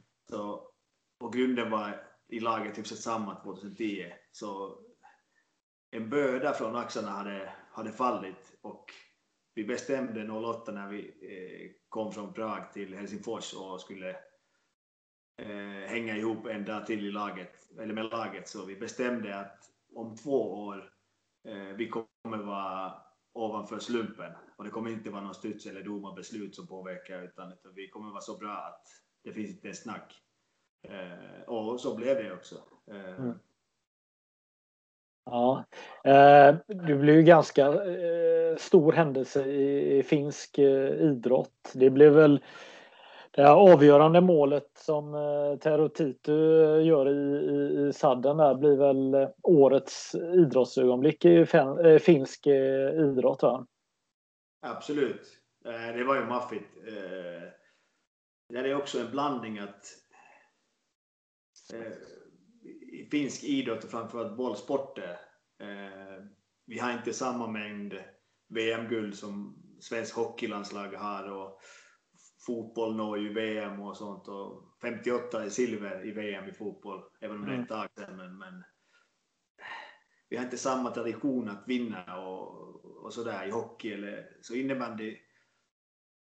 Vinsten blev ännu större för att, att finskarna finländare är ju idrottsmänniskor och patriotiska sådana. Eh, och och eh, saker och ting blev ännu större därför.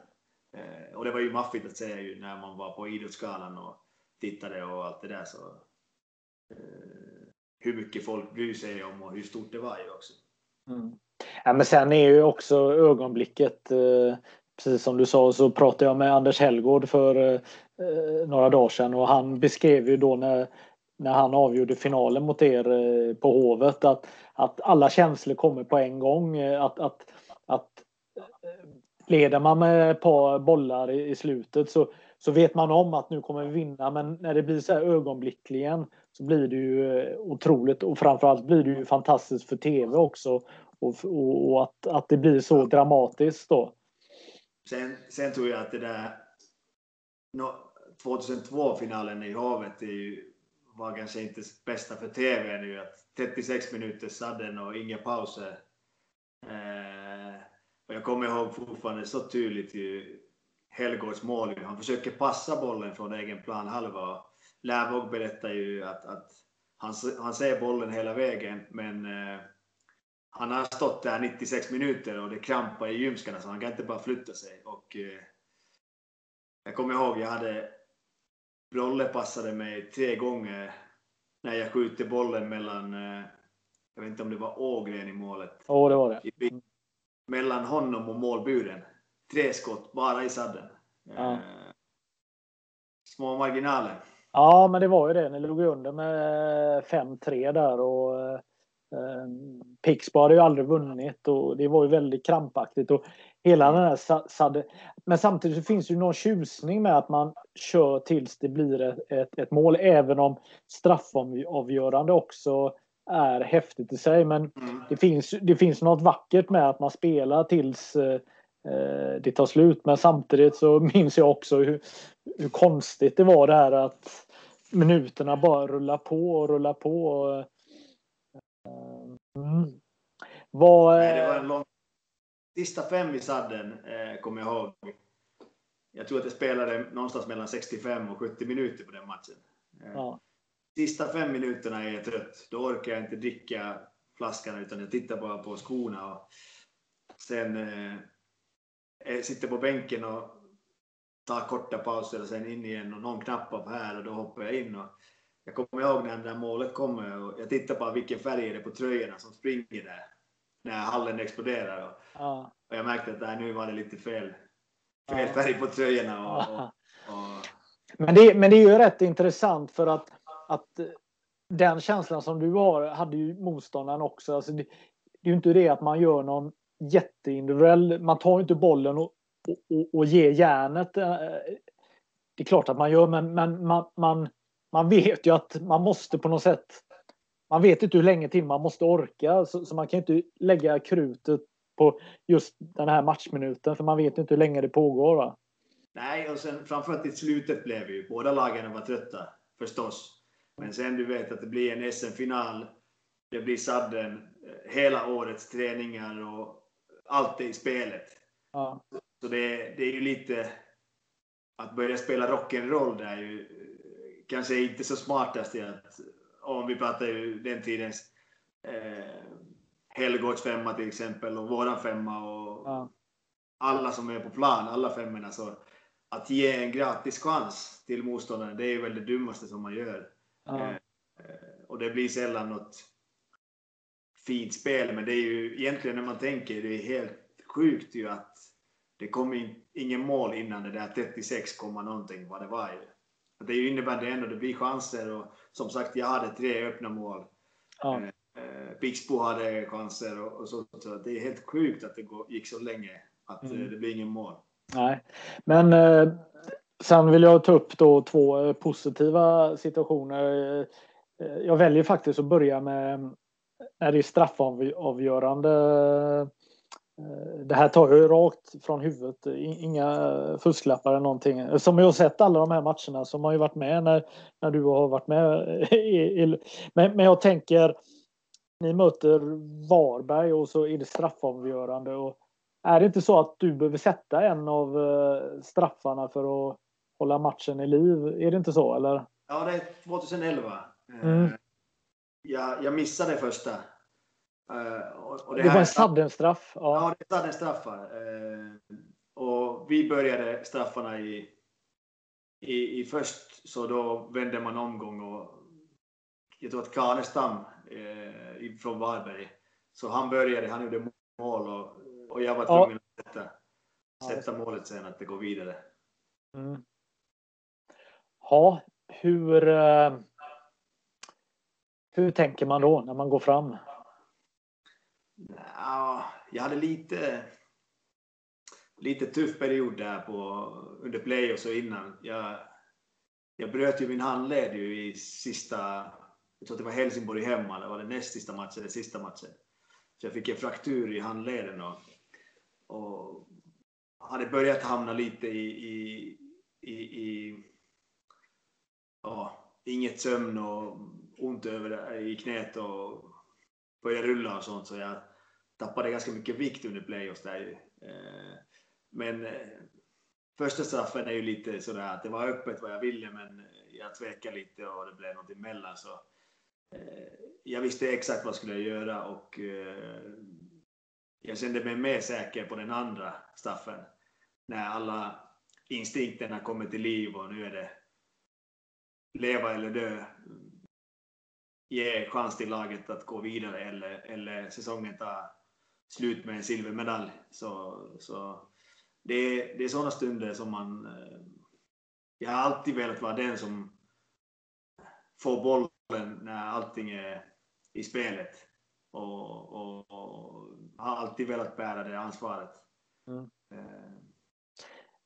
Uh, nu gissar jag att det är samma år att uh, var det inte så att Örjan skulle göra den femte straffen för Aha. er? Ja, och eh, nu med facit i hand eh, efteråt. Jag står ju vid eh, bakom målet för det älskar jag att stå och, och känna och så här. Jag känner ju att han den här killen har inte spelat tusen VM-finaler hemma på gården och, och det står 2-2 och kommer i läge. Jag kände att det kunde ju blivit ett helt fantastiskt avslut att han får avgöra och, och ni ska springa och jaga han. Men när han kommer fram och, och, ska lägga in den här bollen så vet han egentligen inte riktigt vad han ska göra. Och, utan det blir ett alibi-avslut och, och så blir det de här saddenstraffarna. Jag tror att Örjan är en kille som är... Killen är ju en lejon. Eh, det är ju en lagspelare en vinnare i, i hela ryggmärgen. Ja. Eh, och jag var helt hundra att han kommer sätta det. Du var det? Ja. Helt hundra.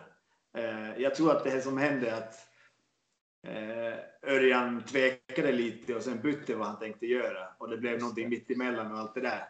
Och det är ju inte... Han, är ju, han tål vad som helst, men det är, det är ju inte någon... Det är inte någon enkel läge att gå 12-13 000 på läktaren och även om han hade ingen press på det där att om man, inte, om man gör mål eller, eller om man inte gör mål så vi förlorar, att han hade chansen att avgöra. Men, men eh, nej, det är ju ingen lätt läge. Alltså det, man ser många, om vi tittar 2016 VM-finalen också mot Sverige så alla i svenska laget som lägger, de vill inte lägga det där straffet. Man, man ser det på kroppsspråken och sådär ingen kan kulla på dem där ju. Eh, det krävs mod att gå dit och vilja lägga det. Men, mm. men eh, nej, det, jag tycker att det hade varit en fantastisk eh, skriven saga att Örjan hade avgjort den matchen och jag var helt hundra tills bollen träffade Sjögren i magen. Att, att, ja. Jo, men det var, det var en romantisk eh, story som, som man satt och skrev på och så, och så blev det inte så. Men jag tänker, eh, för att komma tillbaka till dig, är ju att, eh, att Örjan hade, han hade press på sig. Men hade det stått nummer 29 på ryggen och det stått konen. Du har ju, eftersom du är, är som skicklig straffskytt, så har ju du ännu mer press att göra det du är bra på. Uh, och, men du fick ändå chansen att göra en straff igen trots att du hade missat. Uh, hur gick snacket där? Var det självklart att du skulle... Ja, Dolle tittade på mig där när vi, jag skulle gå och snacka och fråga ordningen. Att jag går till domarna sen efter fem omgångar. Och, uh, han tittade på mig och jag började le och han ler och sen han bara blinkade i ögat och då visste jag ju exakt Eh, och två straffar kommer jag inte bränna. Eh, och det blir ju också att när det blir sadden straffar och pressen blir ännu större Alltså det är, det är så små marginaler och så mycket ansvar. Eh, så det var ju ganska naturligt att bära eller brist, brista så jag kommer ta det ansvaret och kommer bära det ansvaret sen oavsett vad som händer. Mm. Men kan man njuta av situationen eller är det efterhand man kan njuta av, eh, av situationen? Eller vad? Man kan njuta, absolut. Eh, det enda straffet under karriären när jag har tvekat det är 2016.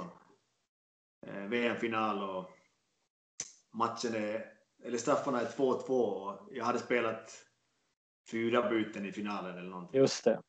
Och när jag kliver in, alltså jag har ingen ordentlig känsla, klubba boll och känner mig kall och sådär.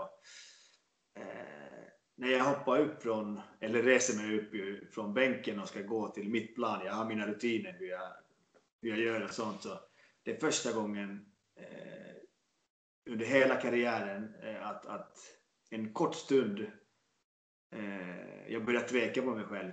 Eh, jag började höra röster från media och här och där att du är gammal och du borde inte vara här och varför har du inte slutat och alla de här som blir. Mm. Och det är ju en kort stund och, och sen blir jag lite arg på mig själv och gå i tankarna samtidigt när jag går till bollen. Eh, gå i tankarna till, till eh, våran idrottsplan ju hemma i Tölska där man har spelat på isen och lekt med kompisar, fotboll och hockey och eh, sen börjar nästan så att någon, någon vrider volymen, att allt ljud i hallen försvinner. Eh, och när jag gör mina rutiner, lite håret och mellanben och känsla, sö söker bara andas och känna på bollen och när jag börjar gå från mittpunkten med bollen framåt, då hör jag inte ett ljud i hallen. Och då är det ingen tvekan då vad som kommer hända. Eh, men en kort stund var jag väldigt osäker och började tvivla. Enda gången i karriären jag tvivlat på mig själv. Men eh, det var en kort stund. Ja, absolut, fråga, det var en lång spar. Man njuter varje gång. Det är otroligt häftigt. Eh, jag tycker det är magiskt när du eh, beskriver åtta sekunder eh, som väldigt mycket längre. Det, det är ju ja. rätt fascinerande när åtta sekunder kan bli som en långfilm. Ja. Jo, men det är ju som du vet, ju, en ung spelare. Mycket handlar om erfarenheter.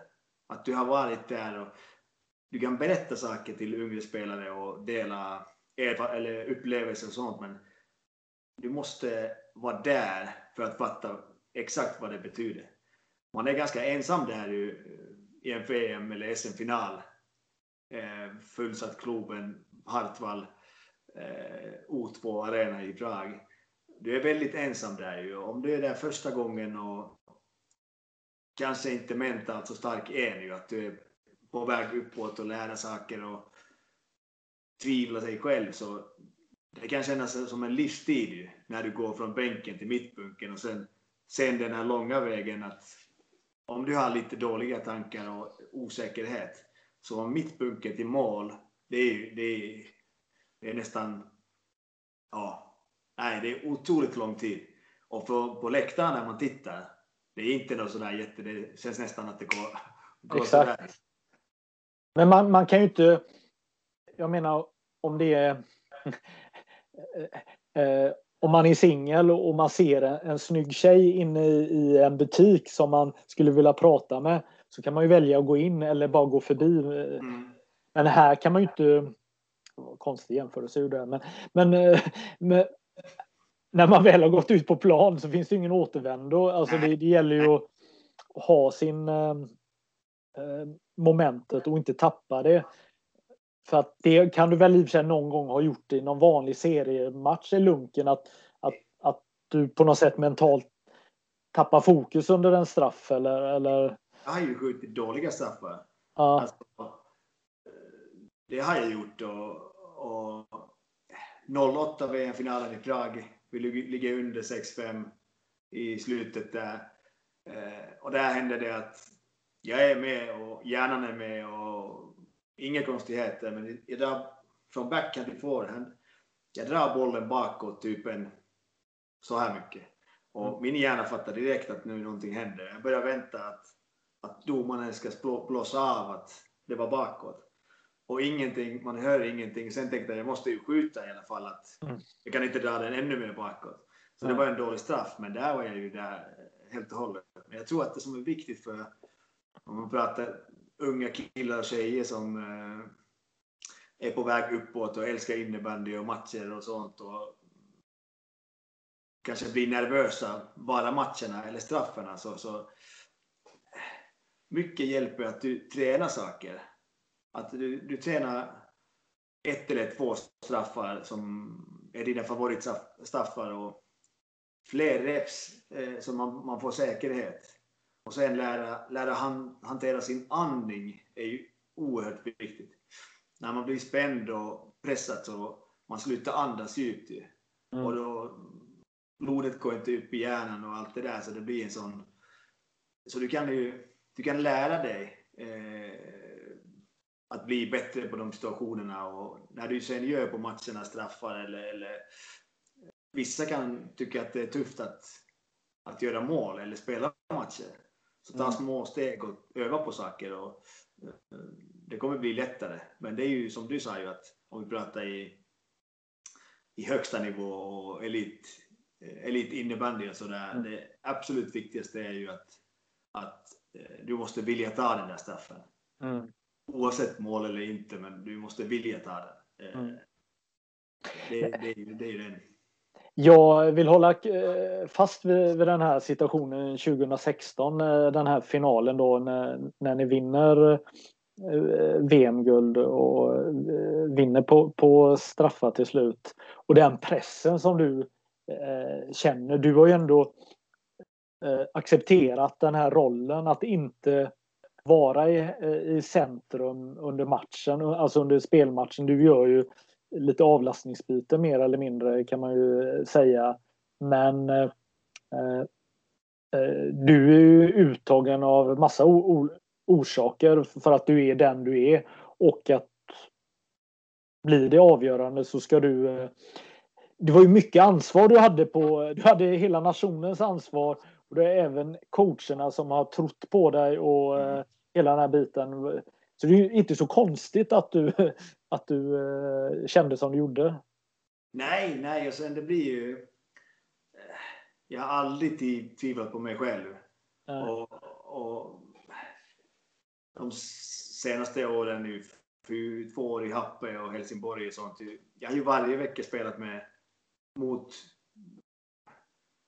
alla lagens första femmorna och spelat mest minuter i laget och powerplay och boxplay och har snittat över en pinne som back varje match och vann poängligan hos backarna i Finland och sådär. Så jag har inte tvivlat på mig själv och jag fattar ju att folk som sagt, det är ju hedrande att jag jämförs mot mig själv och inte mot de andra.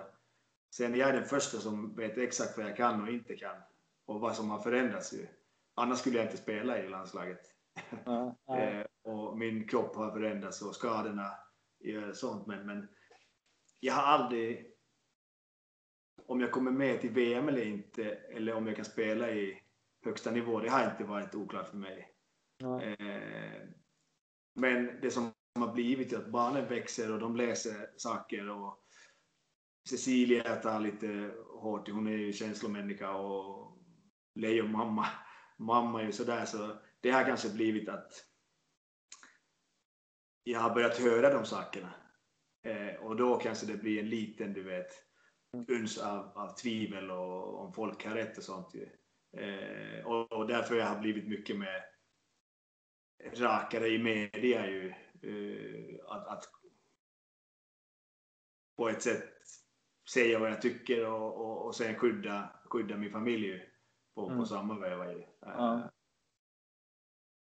Vad, hur, ehm, hur känner du under den här karriären? Har du varit borta från familjen i fem år? Har du känt dåligt samvete någon gång när du har tagit det här beslutet? Mm. Absolut. Det är ju all, alla människor som är pappa eller mamma så om du är ifrån familjen så där i nacken är ju ett, ett ansvar och om du är ifrån familjen så du, du känner skyldighet att, att man borde vara hos dem och borde ta det där ansvaret och, och skydda dem och vara i deras liv. Så absolut, och det, säsongerna är långa och, och, och man blir trött mellanåt och eh, sådär. Så, eh, självklart. Är det det här eh, som visar din envishet, alltså att, att, att ha gjort eh, de här satsningarna, att, att åka till Finland, åka till Helsingborg, eh, att, att du gör din grej? Eh, är det eh, den du är eller vad? Ja, det är, det är, ju, det är ju den jag är.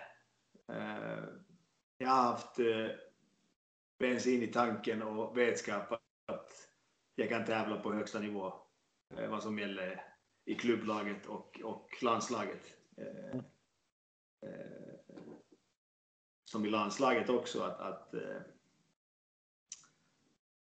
jag trodde i båda VM 2016 och 2018 att jag skulle vila alla andra matcher men, men spela i finalen.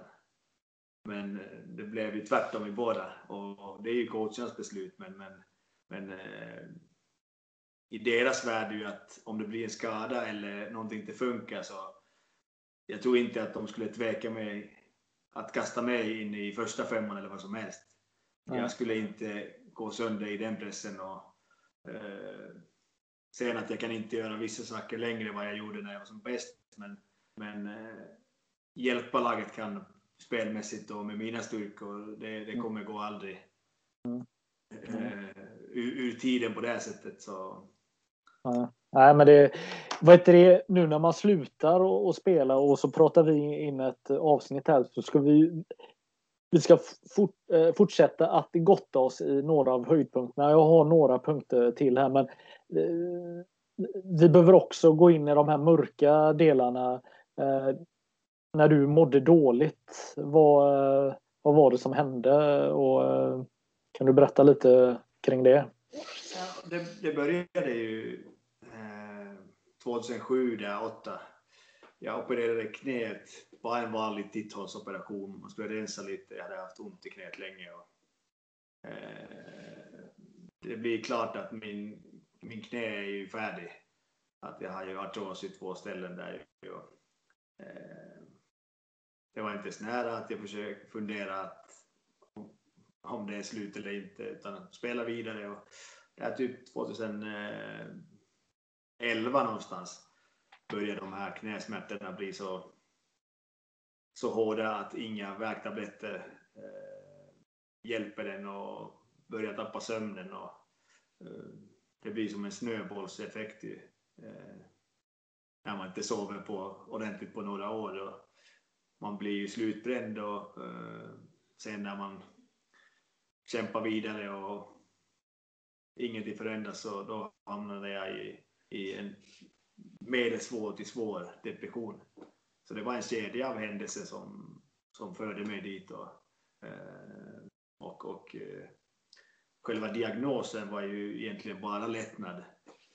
Att man förstod varför det hade hänt saker på de senaste tre åren och varför. Eh, jag kommer ihåg det här i sista året innan när jag började fatta att nej, det kan inte stämma det här. Vi hade playoffs där. Det var det året när vi torskade mot Falun i finalen i sadden. Eh, 2014 någonting där. 13, 14. Nej, 14 måste det vara. Jo, så eh, först det blir en bristning i min vad. Och jag tänker, jag har ju världens smalaste vader. Det, det finns inga muskler att brista där. Eh, sen eh, på en bristning i axel i, i semifinalserien mot, mot eh, AIK var det. Eh, och mitt knä är så färdigt att jag kan inte ens gå utan, utan på plan. Och, eh, och vila lite efter den där torskade finalen och börjar må jättedåligt sådär att jag blir andfådd när jag tar ett steg och försöker gå med till träningen när jag blev lite bättre. Och min vad brister igen och, och då började jag fatta att nu är det, är alltid som det ska. Och, eh, gick till läkaren i, i, Finland och, och sen här i Sverige. Eh, och, och då blev det tydligt och klart att jag hade hamnat i en depression. Och mm. det var ju en lättnad sen ju att man fattade varför jag hade hänt vissa saker och varför jag hade mått som jag var. Och, eh, mm. sakta men säkert, läkningen började också sen. Men vad, hur, blev du sängliggande eller kom inte upp eller vad var det som var? Eh? Nej men det var ju, allting är grått. Ja. Alltså, du vet, allting är grått. Du luktar ingenting, du har ingen glädje med någonting. Och ja. på nätterna man stirrar på taket och du har inte lust att göra någonting. Nej. Man tvingar sig till träningen och man, även de roligaste sakerna som man måste tvinga sig. Eller att du bara ligger och har inte orkat göra någonting. Eh, jag försökte kämpa med barnen nu att att de skulle inte missa någonting och så, men jag var säkert helt annan människa på några år där. Eh, mm.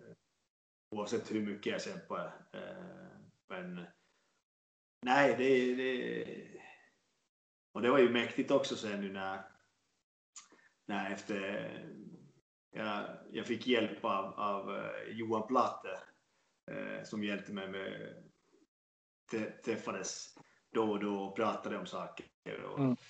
Eh, han är ju från, inom idrotten där också så jag tror att det var perfekt att det var han och eh, funkade kanske bättre för mig eh, som kommer från idrotten än en, en vanlig duktig kognitiv psykolog som är duktig på sakerna, kan hjälpa alla men jag tror att det bet ännu bättre därför att det var en person från idrotten. Och sen eh, lugnande lugnade medicin, jag kunde börja sova och allt det där så sakta men säkert helt plötsligt där på sommaren nu att när jag gick ut och märkte att oj, det, gräset är grönt och blommorna luktar någonting och att det är ljust ute. Det har varit en sån mörker bara ju att du, du märker ingenting. Så, eh, väldigt mäktig känsla. Eh, eh, ja, väldigt mäktigt. Mm. Ja, du, eh, vad förstår du, knaprar mycket mediciner och sånt under den här perioden. Och var du någon gång orolig att bli beroende av eh, alla dina...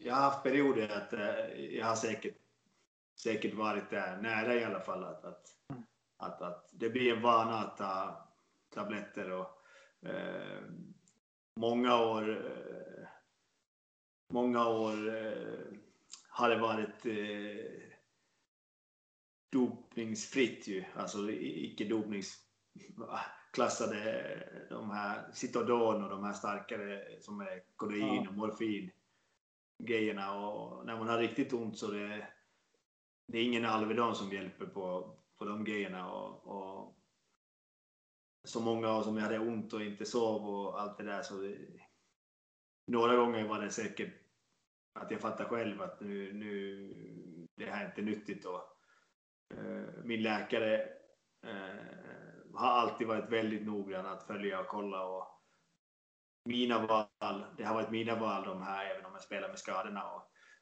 han har alltid hjälpt och hittat sätt att jag kan fortsätta karriären och ge det en möjlighet och chans men, men han har varit väldigt noggrann att det går inte överstyr. Eh, Nej. Men, men väldigt nära har jag varit om inte lite, lite åt beroende hållet där ju. Ja. Eh, säkert där 12-13 precis innan ja. det blev klart att det... Ja. Vi går tillbaka till SM-finalen eh, när ni vinner mot AIK. 04. 04 ja, precis. Då har vi en SM-final mellan AIK som storsatsar, som egentligen dammsuger Stockholmsområdet på alla klubbar som faller ihop och får ihop ett superlag och vill verkligen vinna det här då. Men då eh, svarar ni genom att eh, besegra dem i den här klassiska finalen som eh, ni ligger under, ni är i ledning. Ja, berätta om den här dagen i, eh, i Stockholm. Nej, det det är ju en maffig där ju på många sätt ju att, att det var ju första gången när, när jag är med och vinner någonting stort ju. Eh, men eh, ännu större på sättet att våran Gabriel föddes ju en vecka innan. Just det. Ja. Så han är en liten bebis. Och han var egentligen beräknad lite efter SM-finalen och vi hade ju planer att, att Cecilia får hjälp av, av vissa eh, flickvänner från laget. Ja. Och att jag spelar matchen och om det inte händer någonting illa i förlossningen så jag spelar och sen åker dit. Ja. Eh, men, men nej, jag kommer ihåg också det att, att eh, AIK hade kommit upp där och sen eh, väldigt många fornudden killar ju. Conny Westerlund och jag vet inte om Peter Fischerström kom dit också. De hade ett bra lag. Ja. Och vi mötte ju AIK i alla mina fyra år i playoffs i Balrog. Vi valde dem alltid, alltid som playoffs-motståndare. Och, eh, jag tycker inte att vi gör någon jättebra match egentligen eh, i finalen. Eh, men är starka nog att hitta ett sätt att vinna. Eh, vi ledde ju i början, jag tror att det var 3-0 eller någonting. Mm. Eh, sen ligger jag under i slutet och Brolle styr in framför mål där 6 mot 5 eller någonting. Ja. Eh, sen ett litet, jag tror att det är 15 sekunder kvar och AIK spelar lite högmodigt och tar ett skott eller försöker pressa mål. Och så att Oskar Fagerlund bryt, bryter den där bollen och passar till mig uppe på kanten och eh, får den iväg till Adam Grane som avgör där eh, i slutet av tredje. Mm. Och det var en, det var en häftig explosion av, av känslor ju efter det här målet. Och, och som tur är, vi hade många killar som Ville Sandström spelade det här året på Ballog. Finsk-svenska mm. spelare. Och han hade en bruten fot så han spelade inte så mycket i playoffs men han hade vunnit massor i Finland. Ja. Och, även om det blev en liten, liten känslostorm efter målet men det var ju så mycket kvar i klockan. Jag tror att det var 10-12 sekunder kvar i klockan och det kan hinna hända vad som helst. Eh, och vi städade undan och, och vann ju och, och eh, nej, det hade, det hade känts riktigt eh, dåligt att om, om mina fyra år i Ballock och det hade varit inget guld. Nej. Vad jag plockar fram nu äh, gamla nummer här. Den, här den, här har inte jag, den här har inte jag sett på tio år. Jag har inte tittat på den här men äh, den här bilden har faktiskt jag tagit på er här. Vad, vad, varför tror du att jag valde er tre här? Eh, det är alltså Eh, Thomas Brottman, Christian Hellström och Mika Konen. Jag håller upp en, ett, ett omslag här då. Uh, varför tror du jag uh, har valt er tre här då? Det är två, två eh, legendarer och sen en liten yngre kille som är kanske på väg någonstans. Men, men jag ser på bilden nu vänskap och, och, och glädje är otroligt fin bild. Ja, nej, jag, ja faktiskt. Jag, jag har inte eh, tittat på det. Alltså, ni, ni ler väldigt på något sätt. Eh, jag menar Hellström och Brottman, de fick ju då vinna. De vann ju 93 första gången SM-guld tillsammans och nu då fick de göra det eh, 11 år senare. Det är ju också en eh, fantastisk saga då för, eh, för Balrog också att, att eh, att upprepa sin succé från eh, 90-talet. Eh, För det var ju ändå ganska lång, lång väg när du kom till eh, Balrog eftersom man var på väg ur eh, systemet. De, de, de vann väl eh, två gånger där i, i 90-talet. Och sen Brolle var i Varberg och vann med, med Varberg det, Varbergs mm. första. Och Christian var väl med i AIK när de vann sen. Ja, sen. Men, men eh, nej, det är stora spelare. Eh, mm. Eh,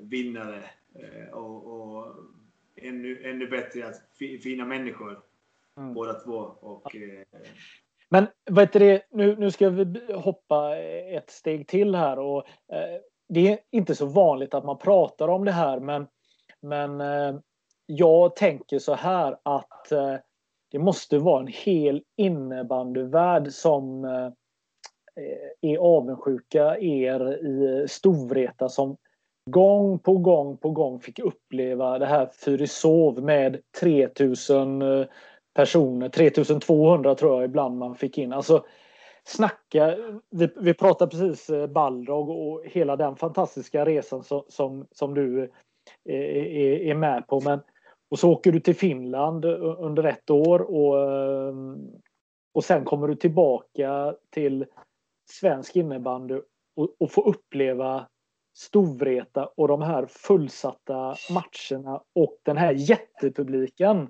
Alltså, det var ju som att eh, hoppa fram 10 år i utvecklingen eller 20 år i utvecklingen nästan på så. Eller hur, hur tänker du eh, tillbaka på? Eh...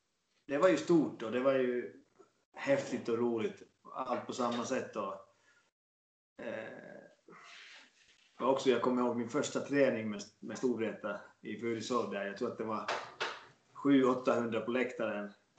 Eh, TV-kanaler, radio och tidning och allt det där. Och, och innebandy var stort i, i, i stan. Eh, och sen, det blev inte direkt mindre sen när vi började vinna, men det tog ju tid. Men jag kommer ihåg matcherna, grundseriematcherna mot AIK. Vi går ut och ska värma upp ute en timme, tio minuter innan match och hallen är redan fullsatt i Fyrisov. Eh, och det är 400 meter kö utanför och ingen får komma in längre.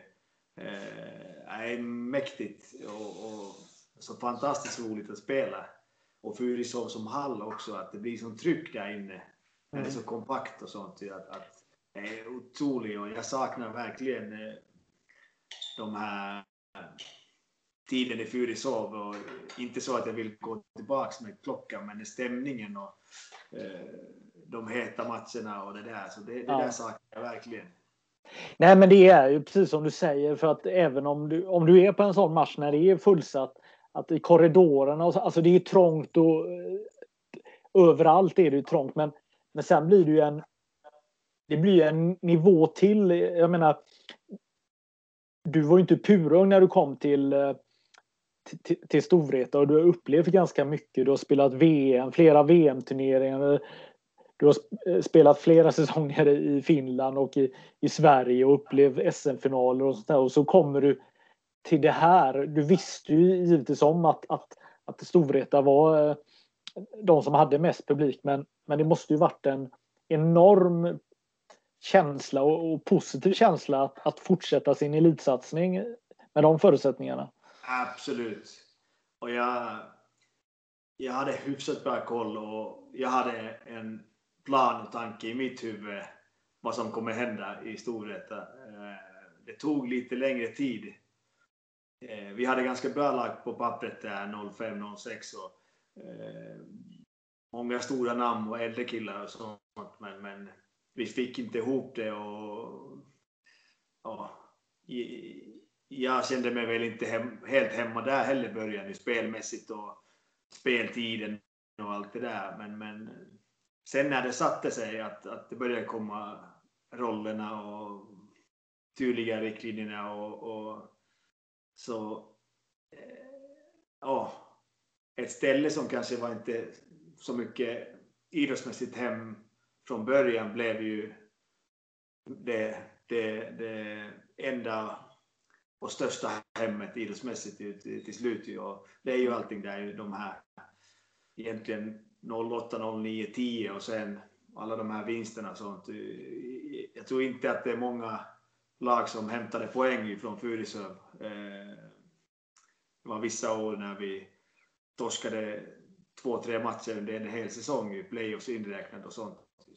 Eh, och den stämningen är där. Det, det är ju i många ställen det kommer stämning ordentligt när det är playoffs. Men, men eh, du som har varit också i Furusov mm. på de här matcherna, att mm. grundseriematch, det, det är som kokande gryta. Eh, så väldigt speciellt och eh, som spelare, man, man vill ju spela så. Att det är ju känslor på plan och, och, och på läktaren också. Det är så otroligt eh, maffigt och, och en riktig hemmaborg. Mm. Ja, eh, det som är spännande med en lång karriär det är ju att det, saker går upp och ner hela tiden. Jag menar, du har upplevt fantastiska saker men sen har du också upplevt eh, mindre fantastiska saker. Eh, nu är det lite distans till 2015 då när den chockerande nyheten kom att du var tvungen att lämna Storvreta. Var, hur, hur har det landat hos dig nu eh, snart sex år senare?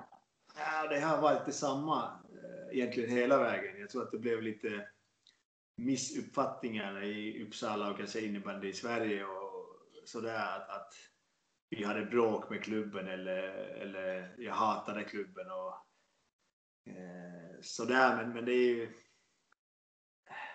Året innan hade jag haft en stor knäoperation. Eh, skulle vila ett år. Hoppade med eh, typ efter sju, åtta månader eh, och spela. Och det viktiga var ju att jag missade en sommarträning. Eh, och sen, eh, det var jag som, som sa till styrelsen att vi måste få Stefan Forsman tillbaks.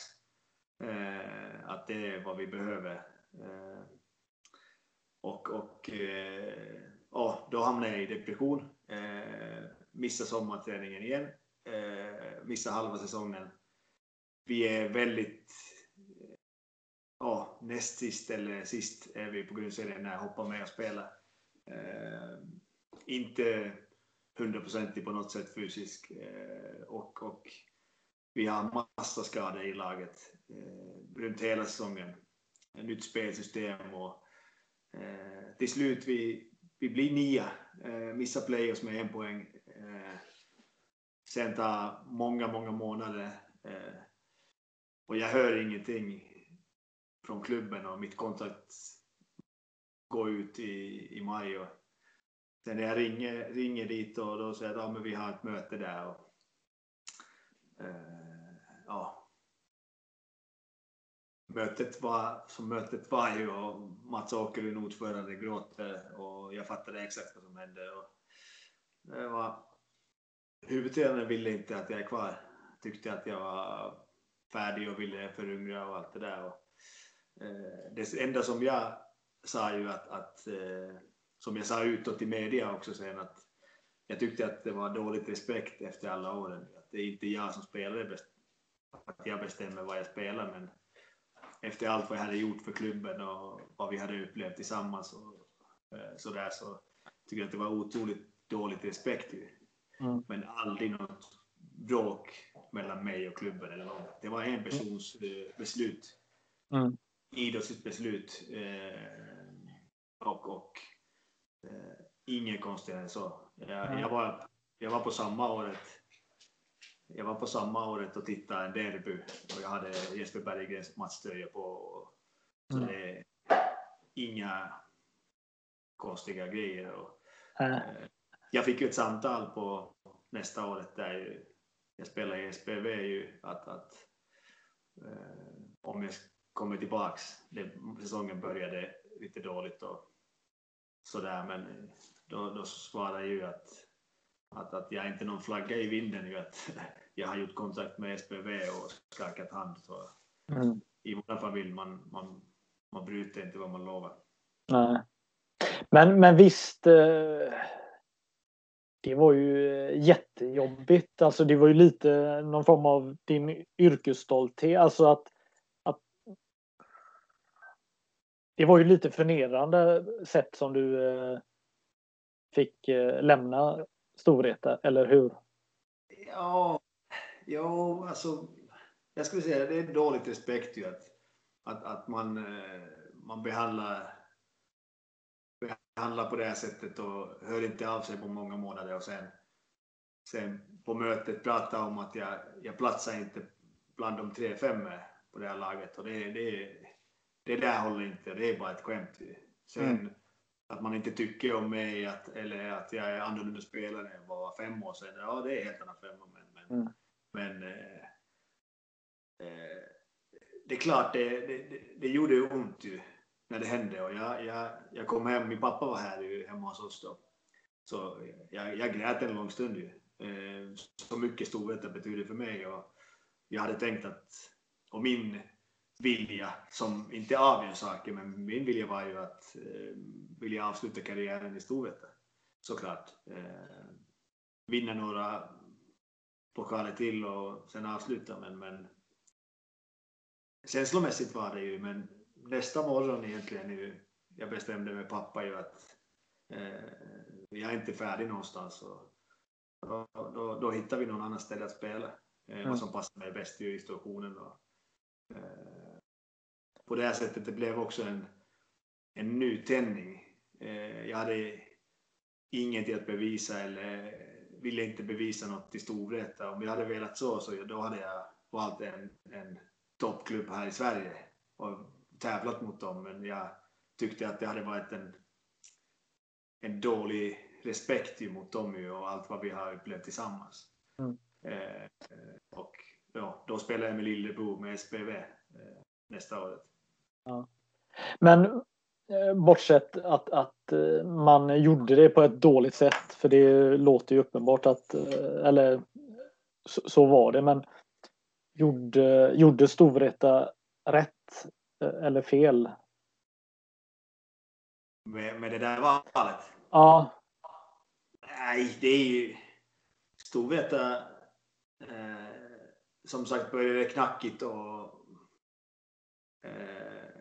de var redo att sparka tränaren som, som sparkade mig. Eh, att jag skulle komma tillbaks, men, men som, som det sa ju, Storvreta vinner SM-guld sen ju på det där året. Eh, och Storvreta har vunnit tre gånger efter när jag lämnade.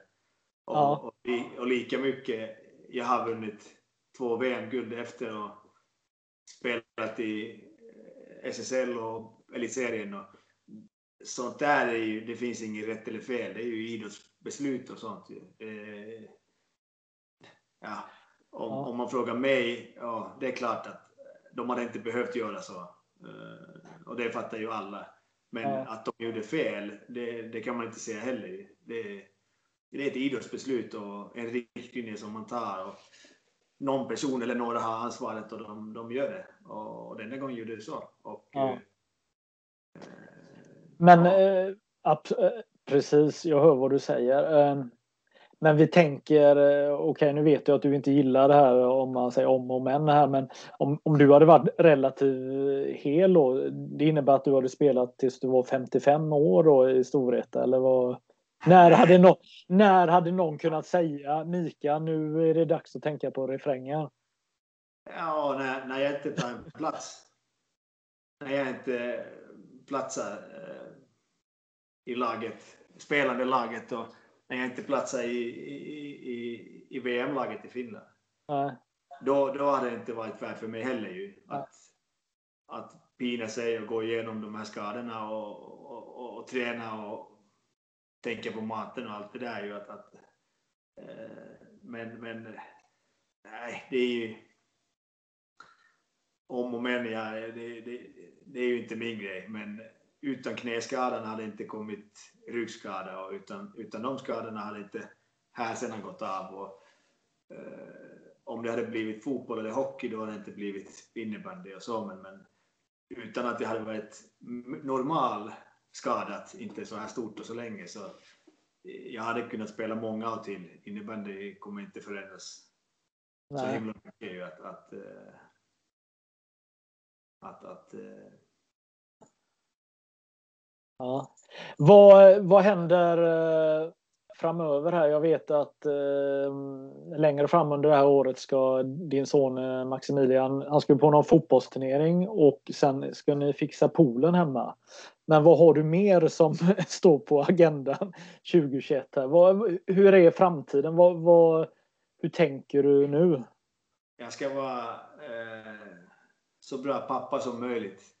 Och nu är det lite svårt nu när, när Gabbe är uppe i Umeå och, och sådär, men, men eh, Storvreta ska vinna SM-guld. Det är mm. vad som händer 2021. Eh, med, med, dig som, Men vad, vad, hur skulle du beskriva din roll i, i Storvreta? Jag är andra tränare. Eh, Oskar eh, är huvudtränare och eh, eh han har gett mig eh, att jag coachar laget under matcherna eh, och tar hand om powerplay. och, och sen vi diskuterar om allt och sådär. Men som sagt, han är huvudtränare och han har sista ordet och, och allt det där. Men, vad, vad är det du... Ja, vad är det du... Ja. Vad, är, vad är det du eh, styr i powerplayet? Vad är det du eh, vill ska hända? Ja, vilka som spelar och på vilket sätt. Mm. Hur känner du vilka som ska spela då?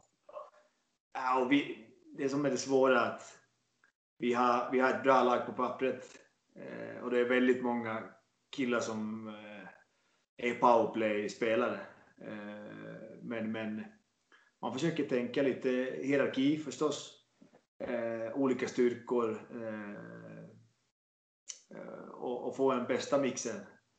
Bästa mixen som, som eh, ja, kommer göra massa mål i powerplay. Eh, men det är ju prata med killarna, diskutera hur de upplever och ge input och några, några typer av vari, variationer sen nu när de fastnar. Och, ja, det, är ju, det är ju lite, lite likadant som när man, man var som spelare också. Att, att då var man där inifrån när, när Storvreta ville att jag, jag leder laget och hjälper laget inifrån där och hjälper tränaren och sådär. Så det, det är ju hyfsat likadant som ja. där är.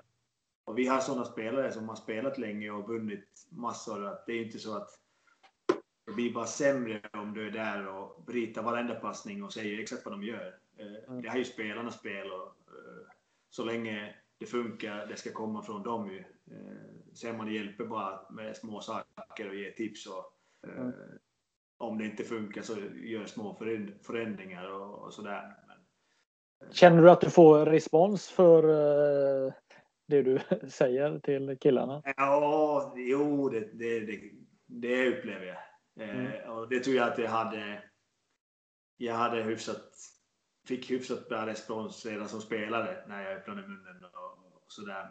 Och jag försöker, jag kan inte vara någon annan än, än mig själv. Och, mm. jag, jag, är mig själv och uh, utöver de här grejerna så mitt jobb är att, att, att hjälpa killarna tävla och hjälpa dem ta steg snabbare framåt i karriären och, och, och hjälpa Oskar att, att vara seriens bästa tränare. Mm. Du har ju investerat rätt många år i den här branschen. Eh, om vi tar, vad kommer hända nu med, alltså vad, vad kommer Mika Konen göra med innebandyn framöver? Alltså vad, vad blir din roll? I det lite lite längre. Nu pratar vi inte bara fram till säsongen tar slut här utan eh, vad, vad är det du... Vad blir din roll? Tror du? Vi får se, vi får se. Men, men garanterat någonting inom idrotten. Eh, i, i, kortsiktigt, eller om vi pratar några år och sånt så eh, med Storvreta vill jag vara, absolut. Eh, och vi får se sen om, om tränargrejen är, är långsiktig. Och, och, men det kan vara sportchef, det kan vara ja, vad som helst. Ja. Men, men eh, långa loppet vet man inte sen. Det finns ju förbund i Finland och det finns förbund här i Sverige och, och det finns många olika typer. Och, men garanterat en, en, en bra stund ja. kommer jag jobba och hålla på inom idrotten. Ja. Åker du, eh, jag menar det är ju nästan elakt om jag frågar här VM som du drömmer om det, men jag måste ändå fråga, åker du dit som turist eller kommer du ha något uppdrag? Ja, vi får se. Vi får se. Mm. Vi får suga på den karamellen då. Ja, precis. Ja. Vad, eh, hur... Eh, eh jag tänker att det är den 29 januari 2021 som du kommer meddela att du eh, slutar spela innebandy. Var det planerat med tanke på din siffra på ryggen? Nej, det borde ha varit. Men så smart var jag inte och, och, och, och, och Jussi i Finland. Men, men en, en bra slump. Fin, fin datum. Mm. Ja, men hur, hur kommer du känna när eh, lamporna släcks här och du har meddelat hela innebandyvärlden och eh, alla andra att det är game over? Jag hoppas, jag hoppas att, eh, som jag sa ju att det är ju när det, går, när det är lätt, när du är din prime och allt är lätt och sådär så är det enkelt. Men, men eh, det där sista fyra, fem åren, hur mycket man har offrat och satt sin själ och hjärta till spelet och familjen har offrat och tränat dubbelt så mycket än tidigare. Eh, det är man stolt över. Eh, ännu mer än, än det där prime, prime grejerna. Men det har ändå kostat de här åren nu på krafterna och kroppen och sådär. Så jag hoppas att man skulle få efter nyheten kommer ut i världen att jag får lite lugn och ro i, i själen och en bö, liten börda från axlarna skulle falla. Eh, sen, jag är inte dummare än så att, att det kommer ta massa tid innan, innan jag är jag är som vanligt, utan det är en process och det är en läkningsprocess, sorgprocess och allt det där. Och det, det ska man bearbeta och gå igenom. Men, men eh, som sagt, det, jag tror att det, när jag tog beslutet och alla känslorna kom ut och jag grät timvis och sen pratade med nära och kära, så efter det har jag ju härdat mig lite sådär att man stänger känslorna inne och försöker vara sansad nu när vi pratar och allt det där. Men, ja jag tror att eh, när jag kommer ut sen att, att eh, då kommer det hända någonting också sen ju att, att eh, det är en start för någonting. Mm. Vad, hur, hur ser din framgångsbild ut? Alltså hur, hur har du tagit dig hit där du är, är idag? Alltså hur har din resa sett ut? Vad är dina framgångsnycklar för att du har lyckats med det du har gjort? Kärleken till idrotten eller de sporterna som man har hållit på med. Passion. Alltså det är, det är en det är ett val och livsstil och en målsättning. Eh, för mig det var ju klart sen jag var liten att, och det var ju fotboll och hockey, att även om man var blyg, blyg som människa och sådär, inte så mycket utåt, men jag har alltid velat vara bättre än någon annan. Eh, varje dag, det är tills innan ambulansen förra året så man tävlar. Jag vill vara bättre än någon annan. Om jag hade varit annan typ av människa lite mer utåt och social. Så att jag hade skrikit ut att titta på mig, att jag är bäst. Och nu är jag en sån kille att jag spelar och sen någon annan får säga vad man tycker och skriva och jag har ingen behov att säga. Och det, ser, det CV som jag har i karriären så många frågetecken är inte kvar heller eh, på det här sättet. Eh, men, men eh, träna. Jag har ju mött från små barn, tre, fyra år tills, tills förra veckan på våra träningar ju att varje passning ska vara perfekt och rakt på bladet med tanke och timing och läs och varje mota, bollmottagning, varje sekvens i spelet. Det är ja, det är som en konst. Du vet ju att det är ju ingen bara att folk passar fem gånger utan att tanka varandra. Utan, ja, jag har ägnat tid åt den biten och öva de här olika skotten och teknik och hockey, mm. fotboll och innebandy. Det kan finnas många andra som har tränat fys mer och sånt och jag har inte varit lat på det här sättet men själva fysträning har inte varit det första för mig utan det är bara en vapen eh, och fördel mot motståndarna och sen spelet är ju i, i kärnan och tävlingen där ju men, men kärlek, öva, eh, våga döma stort. Eh, så stort som möjligt. Om du kan inte ens döma om saker så det är svårt att uppnå sen heller. Eh, och det försöker jag säga till våra killar. Ju. Vi har ju många unga eh, redan nu landslagsspelare i, i Storvreta. Att, att, och landslaget är ett steg och VM är ett steg och vinna SM-guld och sånt. Men ribban ska vara ännu högre. Eh, man, vill, man ska vilja bli bäst och inte skämmas för det eller någonting. Du behöver inte säga det utåt, men i din egen tanke sådär att drömma stort. Våga drömma stort. Eh,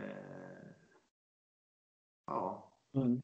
Då, då har man kommit en bra bit i alla fall och sen, sen eh, ja, titta de äldre, lyssna på dem, ta exempel. Eh, ja. Eh, sen börjar det rulla, men det är ju det är upp till var och en att bestämma hur långt. Eh, det är ingen annan som eh, personen själv sätter gränser. Vi är alla olika, vi har alla styrkor och svagheter, men, men eh, och vissa tränare tycker om det mer och den andra mindre, men, men varje, varje person själv bestämmer sina gränser. Mm. Eh, Mika, det har varit Fantastisk ära att eh, få prata med dig. Du är ju en helt fantastisk person eh, både som spelare och människa. Eh, inte minst minns jag när jag hämtade upp dig en gång med våran Volvo. Du var så schysst och berömde för att våran bil var väldigt fin trots att vi hade barn och jag tyckte väl att den var sådär. Men du, du är väldigt väluppfostrad så dina föräldrar har gjort ett bra jobb och sen har du eh, tagit det vidare gissar jag. Men jag vill eh, tacka dig så himla mycket och eh, hoppas att eh, dina närmsta dagar blir bra här och att du tar hand om familjen Eh, först och främst, äran har varit min ju. Vi har ju, vi har ju, vi har ju varit på samma resa hyfsat länge här ju. Eh, har sett ett och annat, eh, gjort saker ihop och eh, sådär. Äran har varit min och jag, det är jag som ska tacka från min del och, och jag ska försöka landa, landa på någonting och, och sen börja titta vidare och vi får se vad som eh, vad som händer i livet eh, utanför familjen och så. Eh, det finns väl eh, andra saker eh, att försöka bli bäst på eh, och hitta något sånt. Golf då eller? Ja, men det är ju kroppen. Nycku har har ju bestämt med Nycku sedan länge att när jag slutar med innebandy så har han börjat träna mig i golf på riktigt. Men eh, nej, det där. Bättre kommer jag bli, men nej, det där, det där är en svår sport ju. Och någonstans kanske handikapp 3-4. Där någonstans. Men bäst kommer jag inte bli tyvärr. Nej. Ja, men paddel eh, blir det inte eller? Ja, jag är hyfsat, hyfsat bra på tennis och alla racketsporterna. Det är ju naturligt för mig. Men, men ja, får se om hoppas kroppen, kroppen tål lite. Men veteranhockey kommer jag spela. Eh, isen är ju perfekt, men jag tror att fotboll är kört. Och, mm. sådär. Men, någonting. Strålande Mika, tack så mycket. Tusen tack. When you make decisions for your company, you look for the no-brainers. If you have a lot of mailing to do, stamps.com is the ultimate no-brainer. Use the stamps.com mobile app to mail everything you need to keep your business running with up to 89% off USPS and UPS. Make the same no-brainer decision as over 1 million other businesses with stamps.com. Use code PROGRAM for a special offer. That's stamps.com code PROGRAM.